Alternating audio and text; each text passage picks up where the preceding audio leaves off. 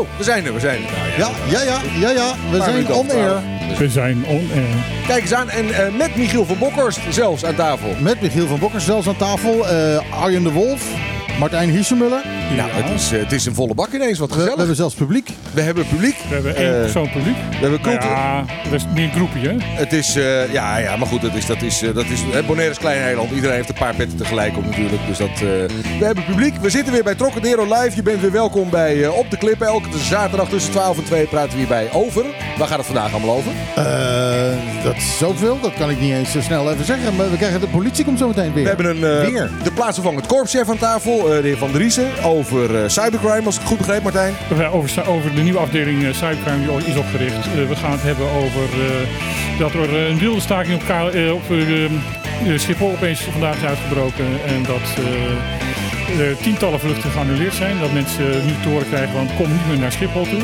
Oh, Eh, een vermoeide duiker die is gered in plaats van dat hij verdronken is. Wat de afgelopen vier keer wel gebeurd is. Eh, we gaan Je moet het niet hebben- alles verklappen. Je moet niet alles verklappen. we gaan het hebben over een eh, nieuwe witte vlek op de kaart van Bonaire. Niet alles verklappen. Bolivia, toch? Ja. Op de klippen, Megahit FM 101.1.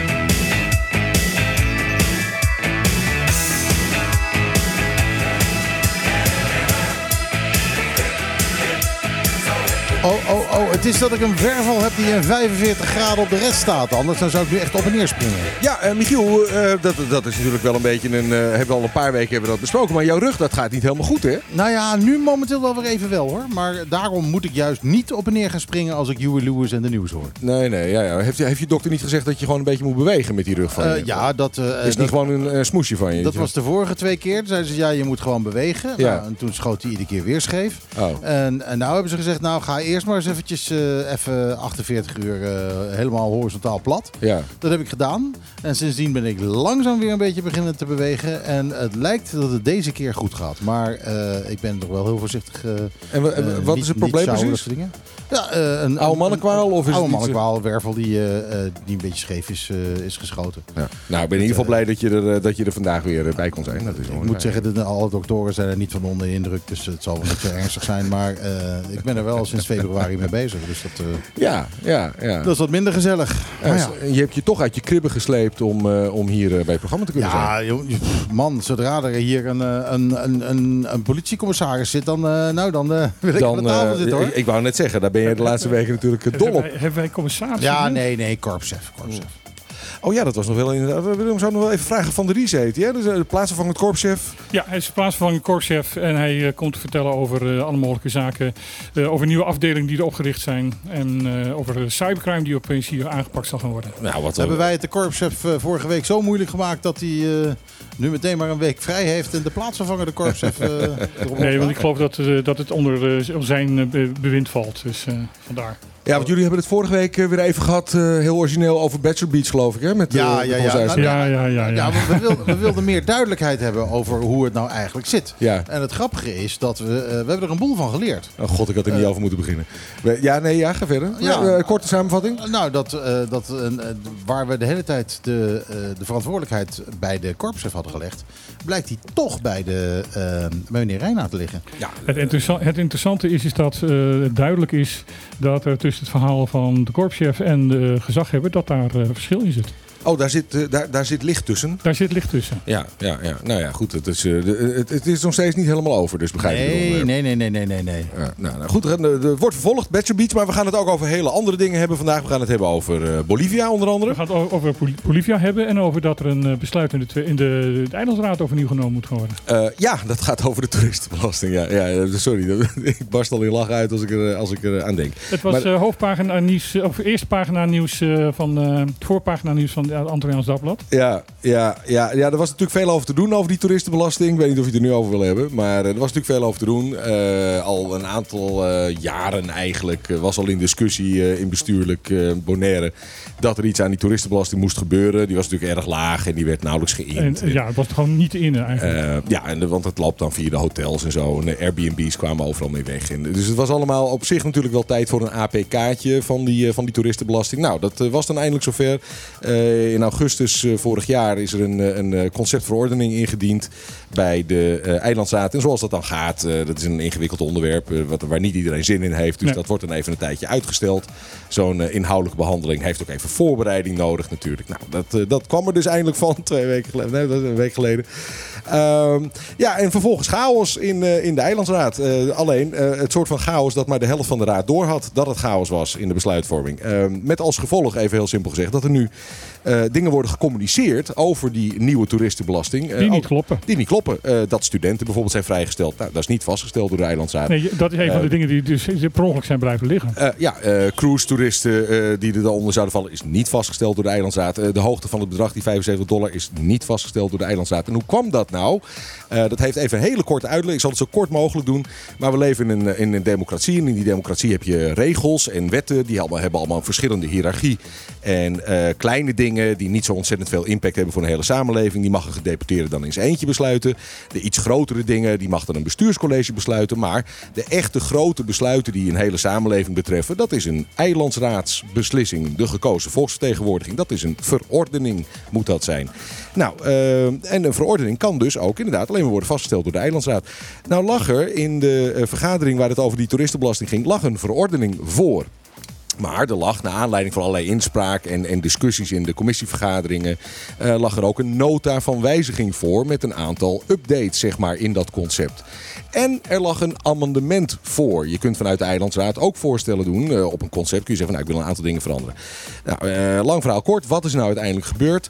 Wat is vastgesteld is de oorspronkelijke conceptverordening. Zoals die in augustus vorig jaar aan de Eilandsraad was toegezonden. Daar zaten dus die dingen die we net noemden. Studenten, cruise-toeristen, de hoogte van het bedrag zaten daar helemaal En, en niet in. 50, en 50 dollar per jaar. Ja, eh, dus dat was 50 in plaats van 75. Er zaten allemaal dingen niet in die nu wel gecommuniceerd worden. En er werd één amendement werd er, werd er, werd er goedgekeurd. Dus de, de Eilandsraad heeft gestemd over de verordening van vorig jaar.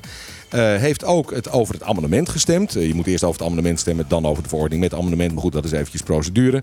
Maar waar ze niet over gestemd hebben, is de nota van wijziging. Waarin al die studentendingen en zo zaten. Vervolgens werd er wel gecommuniceerd door eh, het OLB dat eh, die nieuwe regels waren vastgesteld. Eh, nou, dat is niet zo. En gisteren, eh, de, de, de mensen die een beetje de procedure snappen, weten, wisten al op tijdens die vergadering dat het niet zo was. Eh, maar er was dus allerlei verwarring over. Het OLB begon het ook wel te communiceren. Maar gisteren kwam er dan de verlossende brief van de griffier van de Eilandsraad, zeg maar het juridisch geweten van die Eilandsraad. En die stuurde een brief en die zei van ja, eh, beste mensen, het, eh, eh, er is een, de, de oude verordening is vastgesteld, niet de verordening met de wijzigingen. Dus nou ja, wordt vervolgd. Hopelijk horen we komende week hoe de Eilandsraad dan nu om wil gaan met die situatie. Dat ze allerlei dingen die ze hadden willen vaststellen, hadden willen goedkeuren. Althans een meerderheid, want niet de hele Eilandsraad was voor die verhogingen en zo. Eh, maar hoe ze er dan nu mee moeten omgaan, dat ze alsnog die studenten eh, uit, eh, noem dat, die studentenuitzondering, de verhoging van dat bedrag en cruise toeristen er alsnog in kunnen krijgen. Hoe, maar hoe, hoe zou het moeten gaan? Nou, hoe het zou moeten gaan is, eh, nogmaals even procedureel, je, je biedt een, een, Ja, nee, ik bedoel vanaf, vanaf dit punt. Ik bedoel, ik Vanaf snap- dit punt, dan moet, hoe het had strikt, genomen, maar- strikt genomen moet eh, vanaf dit punt de nieuwe verordening met de wijzigingen uit de oude nota van wijziging erin, moet helemaal integraal opnieuw aan de Eilandsraad worden voorgelegd. En opnieuw besproken dus. De, ja, dus er moet opnieuw worden gestemd, eh, besproken, eh, dus in, in, in beraadslaging komen, noem je dat in het reglement van orde. En vervolgens moet er over besloten worden, maar over de hele verordening.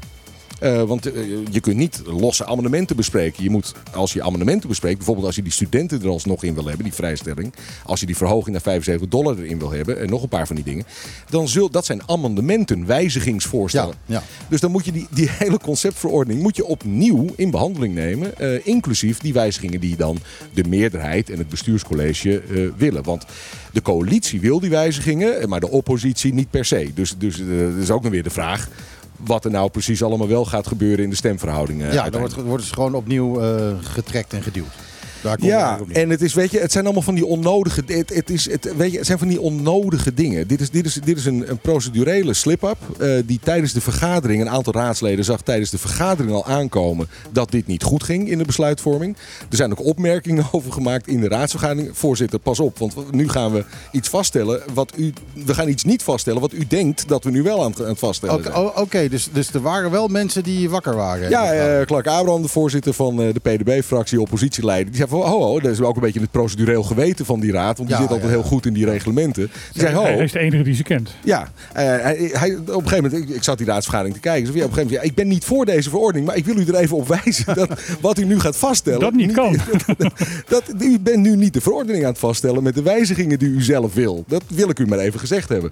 Nou, er, er werd toch doorgestemd. En eh, ja, al die wijzigingen zijn dus niet vastgesteld. En vervolgens kregen we een week lang, hè Martijn, een week lang Ja, eh, ja. discussie op Facebook over eh, allerlei dingen. Die nog helemaal niet zijn besloten. En wel even complimenten voor de griffier. ja, Die, eh, zij heeft ehm, eh, vastgesteld, dus, eh, dus zij had inderdaad gezegd van jongens, dit klopt niet. ja. Toen heeft zij opdracht gekregen van het bestuurscollege van onderzoek het en vraag om raad. En zij kwam nu met een brief Ja. waarin ze stelt van ik, ik, ben geacht om dit te ondertekenen om het te bekrachtigen. En ik kan het niet bekrachtigen, want het klopt niet. Nee, en want, want dan krijg je dus een probleem. Kijk, op een gegeven moment als, als een griffier een, een verordening gaat ondertekenen die niet door de eilandsraad is vastgesteld. Ja, dat, is, dat, dat kan niet. Dat is, dat, is, dat is wederrechtelijk. Dat kan niet. Je kunt alleen Nou, maar de zij, verordening... zij- zegt van er is eh, ruimte voor eh, interpretatie en discussie. En, ja, ze formuleert het. Nee, nou, precies. Nou, dat al niet. Maar ze vorm- dat is heel diplomatiek Ja, geformuleerd. ja, want wat er feitelijk aan de hand is, is dat er gewoon niet is vastgesteld. eh, wat al wel door het ALB gecommuniceerd is, dat is vastgesteld. En waarvan, als ik zo die raadsvergadering zag, zeker de, of in ieder geval de helft plus één van die eilandzaad ook echt daadwerkelijk vermoeden dat ze dat Dat hadden is wel gedaan, ja. eh, gestemd nu. Dat, dat hebben ze helemaal niet gestemd. Nou, en dan krijg je natuurlijk een juridisch probleem. Want als je dan een verordening moet eerst gepubliceerd worden, Ja, hè, officieel gepubliceerd, voordat die in werking kan treden. Nou, en het leek er even op dat ze een verordening gingen publiceren die helemaal niet democratisch tot stand, waar de Eilandsraad helemaal niet over besloten had. Eh, niet dat ze zich dat allemaal beseften, maar eh, dat was in ieder geval feitelijk het geval. Nou, daar is dan nu een, een stop op gezet. Eh, en, en hopelijk. eh, ik, ik, moest echt, ik lag blauw voor het lachen Ja, tijdens die het. raadsvergadering. je al. zit hier al de hele tijd met een grijns van oor tot oor. Nou ja, hij, hij, hij, eh, hij liet gisteren mij die brief lezen. En toen heb ik ook inderdaad eerst 10 minuten gelachen voordat ik antwoord kon geven. Het, eh, eh, het, eh, maar goed, de griffier heeft daar ja, complimenten. Die heeft daar gewoon eventjes goed naar gekeken. ehm, en is gewoon tot de conclusie gekomen. Ja, je kunt het bijna niet geloven. Maar er is nu. er is niks besloten. Nee, want als je een beetje in, in procedure en regels zit. En, en, de, en de wet openbare lichamen zit en het reglement van orde zit. dan kun je je bijna niet voorstellen dat je op deze manier het besluit kunt nemen. Dit is, dit is zo ongelooflijk onhandig. dat het niet je eerste gedachte. Nou, er zal wel iets anders aan de hand zijn. Maar goed, ze heeft het even bekeken. Nee, het is toch echt zo simpel. Jullie hebben niet gestemd over de wijzigingen waarover je wilde stemmen. Nou ja, het, eh, een- het is natuurlijk een enorme flater. Eh, Ja, Tuurlijk is het een enorme flater. Maar het is ook, het, bedoel, laten we alsjeblieft ook de komische kant ervan blijven zien. Ja, Ja, ja, ja, het ja. kan gebeuren, Ja, weet je wel. Er zijn natuurlijk ook in de Tweede Kamer, fractie, eh, in de Tweede Kamer zijn er wel eens fracties die hè, op dinsdagavond en op woen- eh, donderdagavond komen er heel vaak hele lange stemmingslijsten voorbij in de Tweede Kamer. Dus dan krijg je vijf, zes pagina's met allemaal moties en amendementen waar dan eh, de Kamer plenair over moet stemmen. En dan zijn er ook wel eens fracties die dan eh, tussen die 200 moties waarover gestemd moet worden, er gewoon even eentje ergens verkeerd stemmen. Dan denk je van, oh shit, nee, er stond, een, er stond, geen, er stond geen, eh, eh, geen veetje, maar er stond een kruisje. Oh shit, ik heb verkeerd gestemd. Het, het, het gebeurt wel eens. Ja, en ik heb ook wel eens een keer Ja. meegemaakt inderdaad dat de griffier naar de voorzitter van de Tweede Kamer liep van eh, mevrouw de voorzitter, dit gaat niet goed. Ja, nou, en dat, en, En dat de, tweede, de, Kamer, de voorzitter inderdaad de microfoon dicht, heel snel dicht deed, even zat overleggen. Want dames en heren, we moeten de stemming even overnieuw doen, want er is iets misgegaan. Ja, dat, het, het gebeurt. Maar het gebeurt meestal bij een stemming als er, als er over ontzettend veel tegelijk gestemd moet worden. Weet je, als, als je gewoon echt 200 moties voor hebt liggen aan het einde van een of vlak voor een Ja, reces. vla- vlak van reces wordt dan, Eh, worden alle moties dan nog even er doorheen ja, gejast. en dan eh, gaan er wel eens om- dingen om, om twee uur s'nachts. Ja, en ja, maar dat je- was dit niet. Nee, dit was hier was toch ampel de tijd voor, zou je zeggen. Maar, Ah, mooi woord, ampel de tijd voor. Heel mooi. Ja. Mooi. mooi. ja, ampel beraad. Maar nou goed, Eh, dat was voor de, voor de, voor de bestuurlijke, eh, politieke fijnproevers en junkies onder ons. Heb Ja. jij eh, een toepasselijk plaatje Ja, nou, de- toepasselijk ongetwijfeld. Maar in plaats daarvan heb ik gekozen voor een plaatje uit de Nederlandse top 40 dat daar nieuw is binnengekomen. Dit is wel interessant. Interessant. Ehm, dit is de eh, Iman Bek. En dat is de eerste eh, DJ uit Kazachstan die internationaal hits maakt. Neefje van Borat? Eh, ja, dat, nou ja dan, dan, je denkt dus meteen aan Borat, maar het is gewoon een jongen van 21 die Ah, ja, ontzettend ja. leuke, leuke elektromuziek maakt. Eh, Iman Bek eh, samen met Bjor. Eh, dat zal ook wel een, iemand uit Dat Kazachstan klinkt zijn. uh, zo Kir naam. Kirgizisch klinkt dat. Eh, en natuurlijk, natuurlijk eh, heet het nummer eh, heel toepasselijk Belly Dancer. Hey ladies, drop it down. Just wanna see you touch the ground. Don't be shy, girl, go bonanza. Shake your body like a belly dancer. Hey ladies, drop it down. Just wanna see you touch the ground. Don't be shy, girl, go bonanza. Shake your body like a belly dancer. Don't be shy, girl, go bonanza.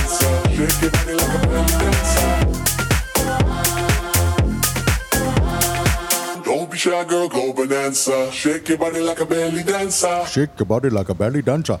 Eh, Kazachstan eh, popmuziek, jongens. Ja, nou, ik, ik, ik, ik- vind Kazachstan ontzettend leuk. Ik heb een tijdje in Azerbeidzjan gewoond. Dat ligt aan de andere kant van de Kaspische Zee. En eh, het beeld van Borat, eh, wat ik net zelf een beetje schets en schetsen, was natuurlijk een beetje overdreven. Het is een ontzettend leuk land. Met een, met een levendige popsfeer, zoals we het net... eh, Nou ja, je, je hoort het, ze kunnen het wel. Ze kunnen het heel goed, ja. Eh, je bent live bij Op de Klippen. Elke zaterdag tussen 12 en 2 praten we hierbij over alle ditjes en datjes boven, onder, links en rechts van Bonaire.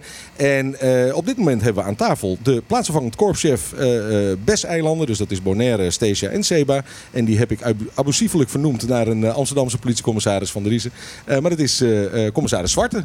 Ja, Welkom. klopt. Ja, dankjewel. Fijn dat u er bent. En ehm, eh, we hebben vorige week hier ook al politie aan tafel. Toen zat ik er zelf niet bij, maar we hadden allemaal politie aan tafel Ja, eerst, week. eerst krijgen ze niet je programma en eh, vervolgens... Ik, eh, vervolgens wordt het een tsunami van, van blauw. We hebben veel blauw op straat momenteel. Nou, dat is hartstikke goed. En u komt praten over cybercrime onder andere, begrijp ik. Ja, dat klopt. Ja. Ja, dat klopt. Ehm, en, ik zag het in, het, in de call sheet eh, staan. want Ik kwam net aan, aanwandelen, ik heb me niet voorbereid. Maar in de call sheet zag ik cybercrime. Wat zijn op dit moment de grote onderwerpen als het gaat om cybercrime in ons gebied? Nou ja, kijk, het allerbelangrijkste is dat we hier zitten is om de boodschap mee te geven dat het korps in verandering is. We hebben sinds 1010 zijn we een korps geweest wat zich aan het opbouwen is. En vooral de basis op orde krijgen, goede middelen, goede mensen, de basispolitiezorg organiseren. Maar de samenleving verandert, de omgeving verandert, we zijn allemaal digitaal. Dus het vraagt ook om andere soorten politie eigenlijk. En daar waren we heel afhankelijk van, van verschillende, het RST, Recherche Samenwerkingsteam of de Nederlandse politie. En wij hebben eh, besloten een aantal jaren geleden, we gaan eigen teams oprichten. Eh, onder andere het cyberteam, het FINIC-team, Financiële Economische Criminaliteit-team en het Digitale Opsporingsteam. En dat zijn nieuwe vormen van, van politie die eigenlijk meegroeien met de criminaliteit aan de buitenkant. En daar wilden we het over hebben. En betekent dat ook dat, eh, dat zijn allemaal nieuwe teams, betekent dat ook dat het KPCN is, het korps is gegroeid? Zijn er meer mensen bijgekomen met een andere eh skillset, met een andere, andere competenties? Dat klopt, het korps groeit. Er zijn nu ongeveer eh, 200 mensen over de drie eilanden verdeeld. Er komt meer specialisme in het korps. En er is altijd de vraag hoeveel specialisme kun je hebben voor een kleine omgeving. Eh, en de mensen zijn opgeleid om deze vorm van criminaliteit beter te kunnen bestrijden. Ja, nou ja, nou denken we natuurlijk altijd hier op Bonaire en eh, waarschijnlijk zeker op Zeba en Station dat wij gevrijwaard zijn van, eh, van de, de grote ingewikkelde onderwerpen als het gaat om cyber en digitaal. het, Nou, wij vragen ons af, is ons internet wel snel genoeg voor dat, is, cybercrime? dat is nog steeds een beetje het onderwerp waar wij in het algemeen aan denken als het over digitaal gaat. Maar wa- wat zijn nou de grote dreigingen eh, waardoor ook eh, de politie heeft gezegd van nou, daar moeten we echt specialisten op gaan inzetten? Nou, dan is het heel goed dat ik hier zit. Want op dit moment op het eiland gebeurt er een heleboel. Eh, en ik denk dat het goed is voor een volgend programma ook mensen en slachtoffers uit te nodigen. Nou, dit moment- blijven komen. Nou, ik vind het fantastisch. Ja, wij blijven voortdurend komen. Maar eh, ik, ik zou bijna zeggen eh ID-fraude. Het misbruik van identiteit. Mensen zijn makkelijk met het geven van identiteit. En dat betekent dat zodra je een paspoort van, hebt, van iemand hebt... of ze een wachtwoord hebt, heel veel mensen doen slechte wachtwoorden... kun je vrij makkelijk aan de gegevens komen. en Daar kun je alles mee doen. Een ander onderwerp wat behoorlijk speelt, dat is factuurfraude. En factuurfraude is eigenlijk heel makkelijk. De criminelen creëren een website waardoor ze je factuur sturen... met misschien één of twee letters verschil... maar ondertussen betaalde rekening. Er zijn een aantal bedrijven op het eiland die hebben gewoon rekening betaald. Wat er verder is, nou, dat hebben jullie wel gehoord. Dat speelt bijvoorbeeld bij Kooiman of bij andere bedrijven is het geweest. Het hacken van je eh, gegevens, bedrijfsgegevens, ransomware.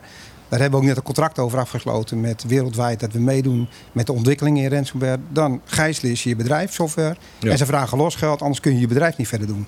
En dat kan nu gebeurt, zo dat, dat gebeurt op het eiland zelf? Of, eh? Zeker, zeker. Er zijn meerdere bedrijven die er een slachtoffer van geweest op dit moment. En die worstelen dan met eigenlijk het feit, wat, en wat nu? Ja.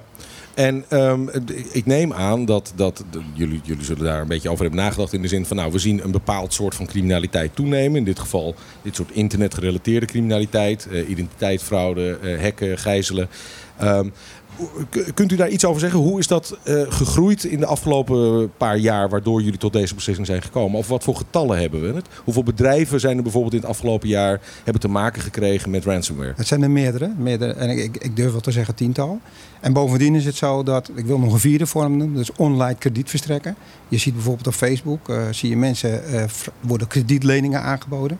Mensen op het eiland reageren erop, moeten een aanbetaling doen en zien dus nooit weer terug van hun aanbetaling. Dat is, ga maar op, op Facebook kijken, je ziet een aantal van die aanbieders. Ja. Daarnaast heb je natuurlijk ook nog bedrijven die buiten de AFM eigenlijk ook bieden, dingen aanbieden. We hebben het gehad over Cash FM, daar hebben we ook berichten over verspreid. Cash FM biedt allerlei soorten. Het is eigenlijk een soort piramidespel. Natuurlijk, je mag het doen, maar het is zonder vergunning van de AFM. En als je je geld kwijt bent, ben je je geld kwijt. Dus wij zien dat op het eiland wel degelijk een aantal dingen gebeuren. Nou ja, dan ga je kijken hoe kun je dat organiseren. Eh, wij vinden eigenlijk dat we lokaal zelf sterk genoeg moeten zijn als korps om het te organiseren. Dus we hebben enkele specialisten gevraagd om samen met mensen van hier zich te ontwikkelen. Een soort leerling-gezelmodel. Zodat ze gaan zien hoe het is. Want anders ben je jaren in opleiding in het buitenland. En vervolgens blijft het eiland een beetje achterlopen. Dus gaandeweg hebben we dat ontwikkeld. En we zijn nu zover dat we ook willen vertellen... ja, wij zijn ontwikkeld. En nu vragen we eigenlijk aan de samenleving... ontwikkel je mee? Ja. Want er is heel veel besef van... bij ons gebeurt het niet. Ja, nee, exact. Dat, dat was ook een beetje het begin, eh, eh, de beginvraag die we, die we denk ik allemaal hadden. Van ja, nou, daar hoeven we ons hier niet druk over te maken over deze grote, boze buitenwereldproblemen. Maar het neemt dus toe op het eiland. Wat ik u niet hoor zeggen, ik, ik, ik hoor u inderdaad een aantal, la- laten we zeggen, financieel-economische eh, eh, eh, delicten noemen of, of problemen noemen, bedreigingen noemen. Ehm, maar eh, hebben we hier op het eiland nou ook te maken met eh, bijvoorbeeld toegenomen online bedreiging van, van, van personen? Worden er, worden er eh, eh, eh, kinderen, eh, ik zag laatst zo'n berichtje ergens op een school, waren er allemaal ouders die hadden, hadden, waren helemaal in paniek. Want kinderen waren onderling allemaal een beetje pikante TikTok-videootjes met elkaar aan het delen van elkaar.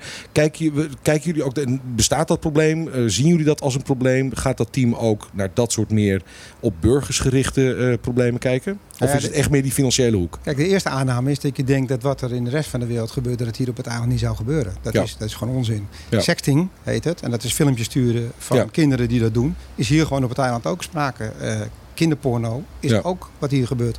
Dat zijn dingen die hier net zo goed gebeuren als welk deel van de wereld dan ook. Ja. En daar moeten wij dus in meegroeien. En het geloof is ook, dat, en daarvoor zitten we er ook hier, dat de mensen zich beter moeten beschermen. 9 van de 10 mensen denken het gebeurt hier niet. Hebben Ja. hun wachtwoorden niet op orde. Sterker nog, de bedrijven die gehackt worden, hebben gewoon, gewoon hun bedrijfsgegevens soms niet eens geüpdate of gebackupt. Waardoor ze alles kwijt zijn. En dan wordt de schade gigantisch voor hen. Ja. Het lastige is natuurlijk wel, als je je gaat beschermen, het is net met een huis wat je gaat beveiligen, dat kost geld. En heel veel mensen denken het gebeurt hier niet, investeren niet en zijn uiteindelijk slachtoffer en meer geld kwijt. Ja. Dus ja, de aanname is dat het hier niet gebeurt. Het is hier en dat geldt ook voor sexting. Dat geldt ook voor witwassen. Hè, want daar hebben we het over gehad. Financiële economische kwaliteit is ook een onderdeel geworden. Het onderzoek naar witwassen. WUDC heeft net een onderzoek gedaan. Die vindt de vastgoedsector hier bijvoorbeeld erg eh, gevaarlijk voor het Ja. creëren van witwassen. Ja. Dus er zijn allemaal nieuwe vormen die best op het eiland spelen en die overal spelen. Ja. Ehm, is het team, of zijn jullie op dit moment vooral eh, gericht op eh, het aanpakken, zeg maar, repressief van iets dat jullie fout hebben zien gaan in deze sector? Of eh, zit er ook een soort van preventieaanpak in? Wat, wat willen jullie doen om dingen te voorkomen? Je zei al iets over burgers meer bewust, mensen meer bewust maken. Ehm, maar zijn jullie bijvoorbeeld ook bezig met, ik noem maar iets geks, eh, eh, websites testen van bedrijven waarvan je weet en die hebben gevoelige informatie? Eh, laten we eens even kijken of wij er makkelijk in kunnen breken of niet en ze vervolgens waarschuwen. Nee, wij zijn geen hackteam. Wat, we, wat collega's wel doen is hetzelfde als wat collega's op straat doen. Surveilleren op de digitale weg. Hè. Ja. Wij volgen dark web en we zien wat er wordt aangeboden op het eiland. En als we zien dat er pas geleden werden er wachtwoorden aangeboden van het e-mailadres hier op het eiland. Ja. Dan waarschuwen we diegene die dat, is, die dat was. En dan zeggen we, joh, let even op, zorg dat je je wachtwoorden aanpast.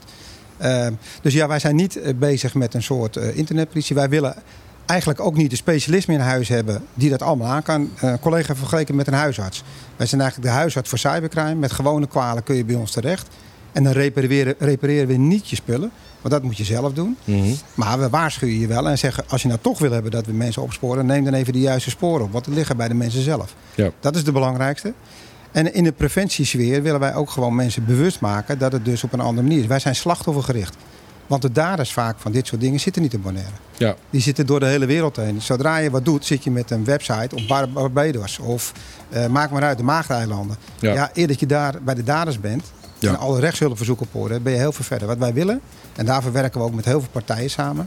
Ehm, OLB, daar hebben jullie het net over gehad. Ja. MKB, eh, noem maar op. We zijn allemaal met banken. Wij proberen eigenlijk een netwerk op de Besseilanden te creëren. Die zodra ze slachtoffer zijn van iets, Mhm. zo snel mogelijk kunnen voorkomen dat er meer slachtoffers komen. Ja. Want dat is onze boodschap. Hoe zit het nou met de verdeling van, eh, van de aanpak van dit soort eh, eh, delicten waar we het nu over hebben? tussen de eilanden, Bonaire, Seba en Stesia. Ehm, is het allemaal heel erg geconcentreerd op Bonaire, dit soort criminaliteit? Of kom je het ook wel op Seba en Stesia tegen? Het komt op alle eilanden tegen. Verschillende vormen natuurlijk. Eh, hangt af van de grootte van het eiland en de ontwikkeling. Het is voor ons ook altijd een beetje een zoektocht hoe je het eigenlijk vanuit hier iedereen mee laat ontwikkelen op andere plekken. Maar het komt overal voor. En deze, dit is niet alleen voor Bonaire, dit is voor Saba en Stesia ook zo. Oké, ja. Ja, ik, Ja, eh, ik dacht, jij wil weer een muziekje doen of zo. Of, eh, nou ja, Nee, we zaten ademloos naar jou te luisteren. Naar mij te luisteren. Ja, dat is niet de bedoeling. Oh, we hebben de Herman Daat aan tafel. Nou, dan heb ik daarvoor niks gezegd. Naar mij luisteren. Nou, ik vond het wel interessant dat het over die, eh, over die passwords had. Want jij hebt eh, twee weken geleden hier in dit pas, eh, gewoon hier on-air ons password lopen, eh, lopen rond. Ja, dat is, eh, dat is omdat wij echt super eh, interessante dingen te melden hebben hier aan tafel altijd. Waarvan ik echt denk, daar wil het hele eiland wil erin duiken. Nee, die alle, alle, criminelen willen daarop op los. Nee, ik zat vooral ademloos te luisteren dat jij iedere keer de vraag stelde die ik wilde stellen. Dus eh, ik zat van, Nou, Martijn, wat doe ik hier? me vereerd. Ja. Oh, ja, ja, ja. Nou ja, had, je, had jij er nog eentje die ik zou willen stellen? Mag ik de vraag andersom stellen? Hadden, Ja, jullie, er wel hadden jullie verwacht dat er cybercrime op het eiland zou zijn? Ja, Ja, Ja. tuurlijk. Ja. Nee, want jullie hebben ook al een aantal keren eh, ervoor gewaarschuwd. Ehm, eh, door de week eh, of we- werkdagen verzorg ik het eh, lokale nieuws op, op Megahit FM. En dan kom ik er regelmatig inderdaad meldingen tegen van dit is aan de hand, dat is aan de hand. Vind ik ook heel goed dat jullie dat doen. En dat jullie gewoon melden van jongens, eh, kijk uit, eh, die die site, eh, daar, worden, daar worden leningen aangeboden en het klopt niet. En het is niet aangesloten bij de, de autoriteit financiële markten. Markten, ja. Ik zal even naar die M te zoeken. Ehm, en ik vind het heel goed dat dat gebeurt. En ik denk dat dat ook heel belangrijk is. Want ik, ik denk inderdaad dat bij heel veel mensen... ehm, het, het gevoel be- bestaat van ja, Bonaire is, eh, is, is, eh, is, is geïsoleerd van de rest van de wereld. En eh, sinds we, ehm, dat was misschien vroeger zo, maar sinds wij in- internet hebben hier, is de wereld wel naar Bonaire toegekomen, inclusief de criminaliteit. Ik vraag, me wel af, de, natuurlijk wil je weten dat het ook hier voorkomt. eh, maar ik vraag me wel af wat, wat, zeg maar de markt is dan. Want, want het is, we hebben hier natuurlijk vooral te maken met meer een klein bedrijf. Hè? Dus, dus als je zo'n eh, Russische, Oekraïense of Kazachse eh hackonderneming bent die zijn ransomware verkoopt aan iemand die geld wil verdienen met een onderneming, met gegevens van een onderneming. Ja, dan, dan heb je hier natuurlijk niet ontzettend veel eh, targets waar je heel veel geld mee kan binnentrekken. Dan heb je, heb je de banken misschien, maar niet Ja, veel meer dan dat. De aanname is weer dat je denkt dat het om geld gaat. Maar Ja. het gaat om je persoonsgegevens. Want met Ja, persoonsgegevens maken criminelen geld. Ja. Dus eh, eh, de bank in, in Curaçao is gehackt. Hè, Ja. Daar hebben ze een aanval op gehad. Nu op Sint Maarten is het energiebedrijf gehackt. Waar het om gaat is niet het geld. Ze krijgen geld als bijzaak. Maar ze verkopen jouw gegevens. En met die gegevens kunnen criminelen bankleningen afsluiten. Ja. Die kunnen razend veel ermee doen. Je creditcard leegtrekken en Nou dan is het allemaal bij elkaar Nee, het gaat dus niet om het geld, maar ze pakken je gegevens en ze gaan daarmee verder. Want ik was in ja, het goed, begin uiteindelijk ook gaat het over geld. Want het gaat Ja, niet, het nee, gaat daar om, verdienen ze eh, mee. Die criminelen verdienen met het verkopen van jouw gegevens. En de anderen maken er weer geld op. Ja. Dus- wa- waar ik wel even over verbaasd was, is dat u zei eh, eh, dark web. De- ik, want dan, eh, daar wordt natuurlijk heel vaak, er worden echt heel fysieke dingen aangeboden. Vuurwapens, eh, valse paspoorten, noem maar. Dan moet je op, op de een of andere manier moet je, dat, moet je dat fysiek naar het eiland krijgen.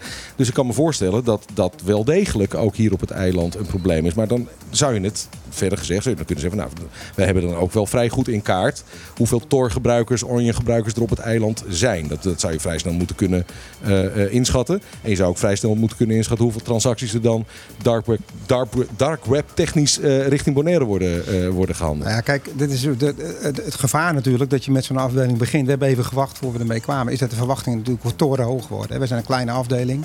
Wij kunnen dit soort gegevens niet doen. We zijn ook geen politiestaat, anders zou je het gelijk opvragen. Maar je hebt wel gelijk. Want als je nu dark web op gaat, kun je bijvoorbeeld heel makkelijk een identiteitsbewijs bestellen. Ja. Je kan een creditcard bestellen, je kan een Ja. paspoort bestellen.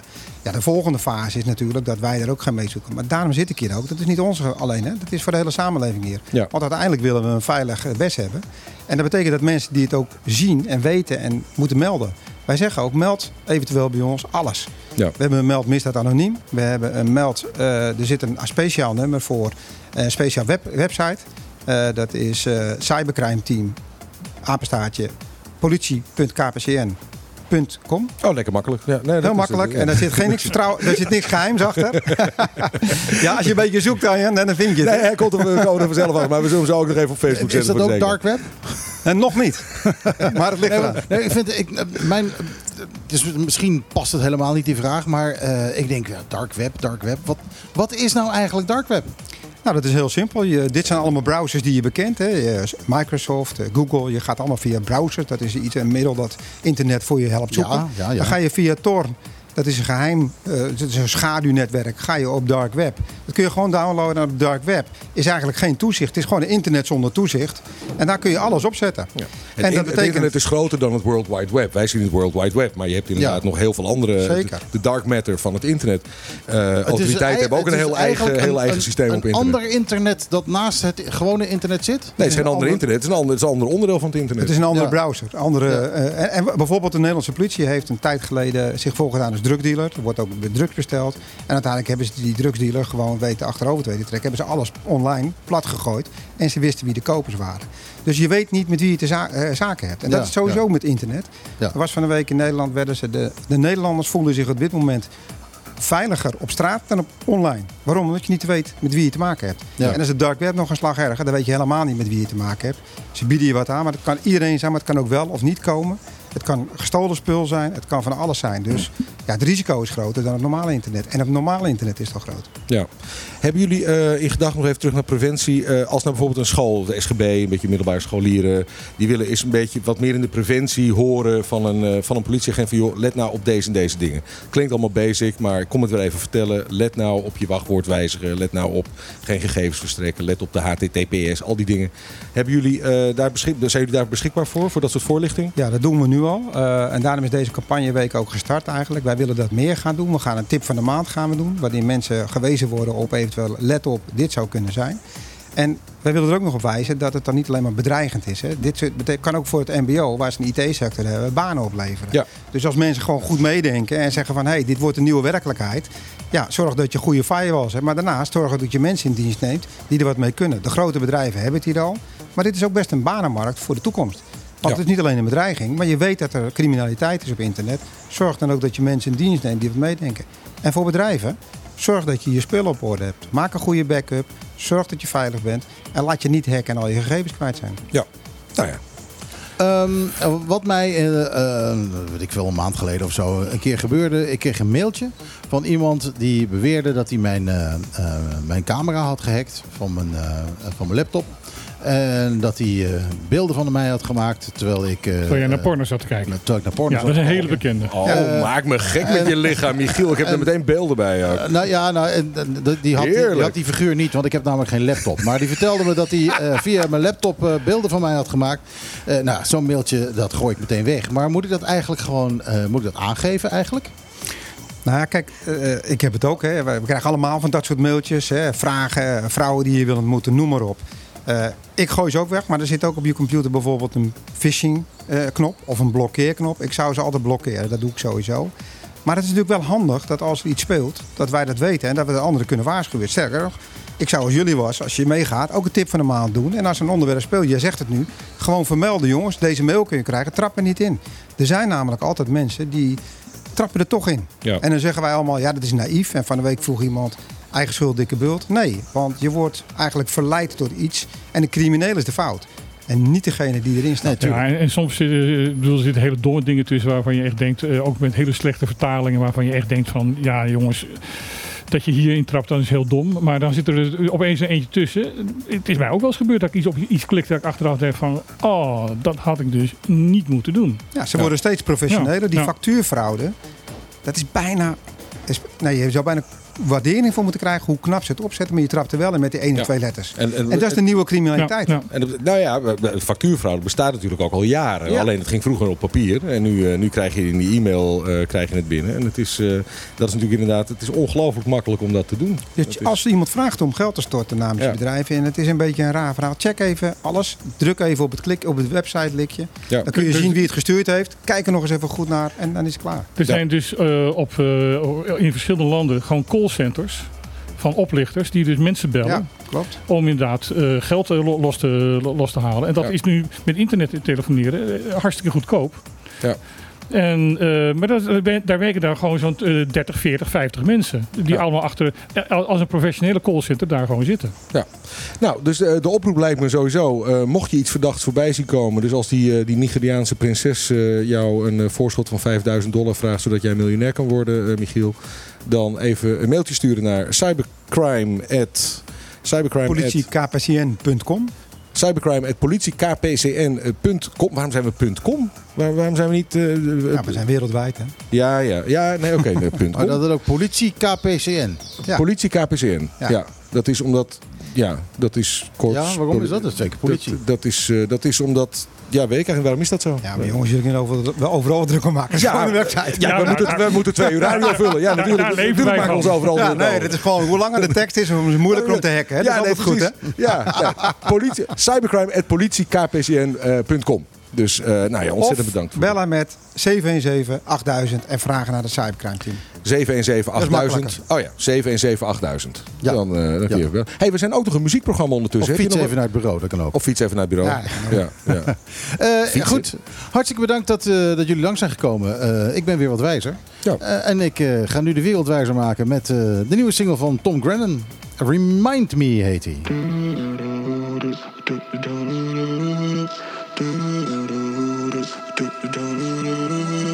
Wrap me up in diamonds, cover me in gold. But nothing they could buy me made my heart whole. I've given up on romance,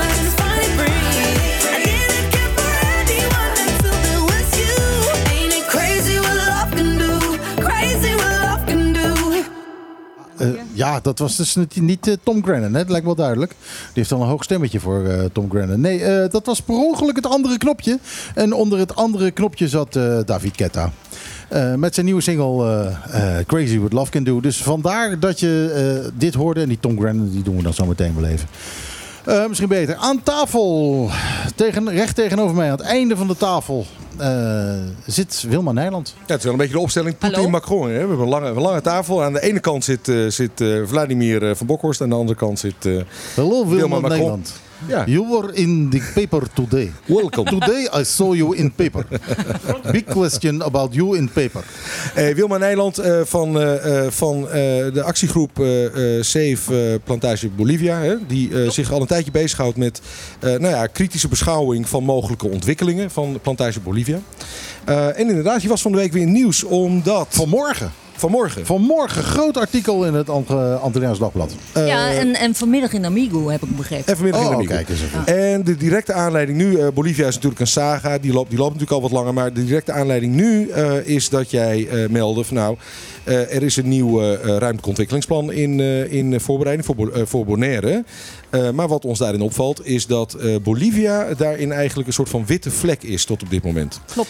Ehm, eh, kun je daar iets over vertellen in de zin van, ehm, eh, om te beginnen, wat is de fase waarin die voorbereiding van het ROB zich op dit moment bevindt? Want ik weet, er ligt nog niet een voorstel aan de Eilandsraad bijvoorbeeld. Nee, dat klopt. Het zou zo moeten zijn dat het voorstel naar de Eilandsraad zou gaan. Maar dat lijkt vertraagd. Dit is een concept van 22 maart jongstleden, dus dus vrij recent. Ehm, er wordt hard gewerkt aan het bestemmingsplan door RHO. Ehm, RHO is, help ons even bij de luisteraars. dat is een, eh, ehm, een planbureau ingehuurd door het OLB. Mhm. Om het ontwikkelingsplan te schrijven. Dat heeft ze ook gedaan in 2010. En nu moet er een nieuw plan komen. Eigenlijk zou er iedere vijf jaar een nieuw plan moeten komen. Maar het is eh, tot nu toe niet gebeurd. Dus het is hoog tijd. Eh, ze zijn heel druk bezig en ze hebben het totale eiland ingenomen. hè, om, om opnieuw in te richten. Behoudens Bolivia. En eh, op welk moment eh, zagen jullie of vielen jullie op in die. eh, of, nee, in de eerste plaats, hoe, hoe zijn jullie bij dat project of bij dat proces betrokken, zou ik maar zeggen? Ehm, niet, niet. Niet. Dus hoe, hoe werd het jullie, ge- werden jullie erop gewezen dat Bolivia buiten die planontwikkeling blijft? Nou, we kregen inzage in het concept bestemmingsplan. En ja, dan moet je wel heel blind zijn om het niet te zien. Ja, nou, nogal. Nogal. Het is hier, als je die kaart ziet, hij stond in de krant eh, vanmorgen. Eh, dat, het is echt inderdaad gewoon een heel. een- het is net alsof het een, een geheime plek is, weet je wel. Je, je hebt wel eens van die kaarten en dan eh, zitten dan eh, ergens militaire installaties. En dan staat er gewoon. Area gewoon- 51. ja, Area nee, 51. precies. precies. Nou, Nou ja. dat is het beste voorbeeld inderdaad. Nou, nou, nou zou je kunnen zeggen, ik- ik heb zelf in de gemeenteraad in Amsterdam gezeten. Je, je doet wel eens wat met ruimtelijke ontwikkeling. Er zijn natuurlijk wel eens gebieden waar je eh, eh, aparte eh, eh, instellingsbesluiten voor neemt, aparte ontwikkelingsbesluiten voor neemt, omdat je in dat gebied een heel ander soort van ontwikkeling wil dan normaal. Dus die blijven dan even een tijdje buiten de planprocedure. Dat is op zichzelf niet gek. Maar waar- waardoor werden jullie getriggerd? Nou, het is wel raar dat je een ander bureau dat laat inrichten. En dan het bureau van de ontwikkelaar. Mhm. Dat is, eh, ja, dat is toch wel iets wat je in Europees Nederland niet ziet. Nou, ja, nogmaals, ik, ik denk zelf even aan de West. Ik speel even advocaat van de duivel hier, Ja, maar ik denk wel even aan het, aan het westelijk havengebied in Amsterdam. Dat hebben we jarenlang buiten, buiten de ruimtelijke ontwikkelingsplannen en bestemmingsplannen gehouden, Klopt. omdat dat apart werd ontwikkeld. Klopt, maar wel door, eh, eh, wel door de overheid.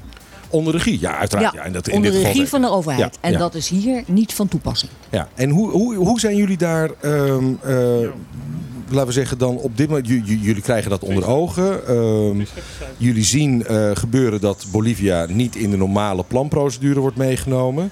Wat is, jullie, wat is jullie angst precies? Wat is jullie vrees daarbij? Nou, de vrees is en, eh, dat Metafoor of Breemhaar, de ontwikkelaar, zodanige overhand krijgt dat hij bepaalt wat er op Bonaire gaat gebeuren. En het is 10% van het eiland, dus het is geen klein stukje. Ehm eh, Breemhaar heeft een behoorlijke eh, grote mond en imponeert eh, heel veel mensen daarmee. En je ziet nu dat, ik weet niet of je de intentieovereenkomst hebt gelezen, Ja, die ja. er is. Maar Nou, misschien kun je inderdaad ons nog even, voor- ook voor de luisteraars, even in herinnering roepen over wat voor eh, bouwvoornemens eigenlijk op Bolivia het gaat in die intentieovereenkomst. Nou, hij heeft. eh, ehm, de plannen zijn al, eh, ik denk in drie jaar tijd, zo'n zes keer gewijzigd.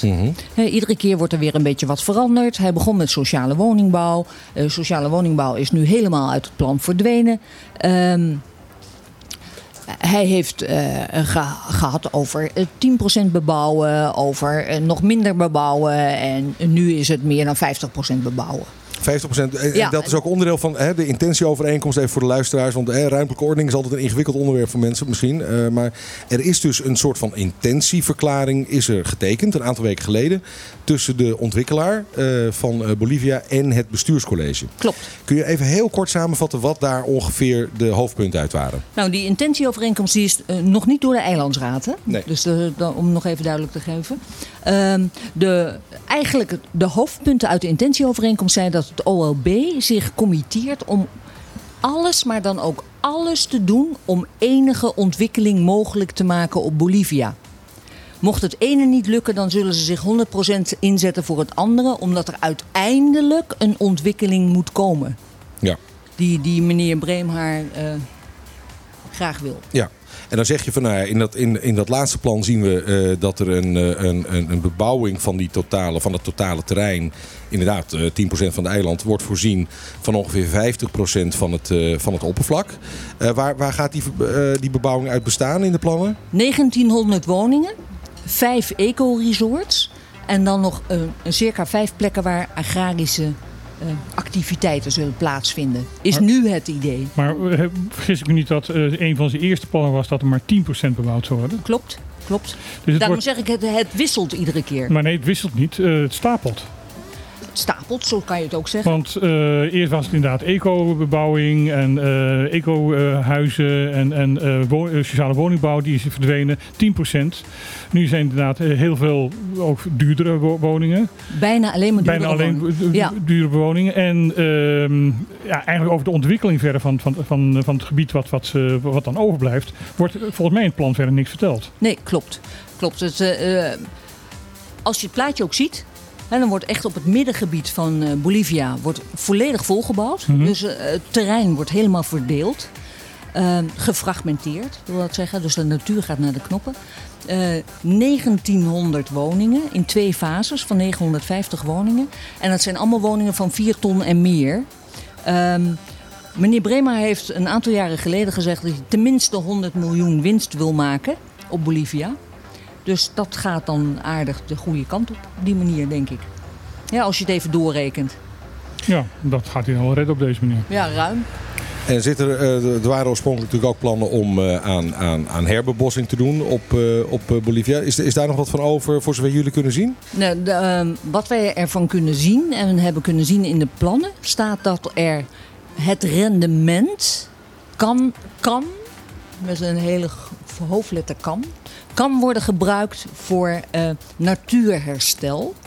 Maar vooralsnog zijn daar geen concrete plannen voor. Oké, dus, dat, dus eh, natuurherstel, eh, herbebossing en dergelijke wordt niet meegenomen in de, in de initiële investering. Nee. Mogelijk als er rendement ontstaat, dan zou daaruit mogelijkerwijs Mogelijk, een, ja, een- vaag, een boom kunnen worden Maar er wordt dus teruggeplant. nergens gezegd hoe hoog het rendement moet zijn, eh, wil, wil dat inderdaad doorstromen. Nee, Ja.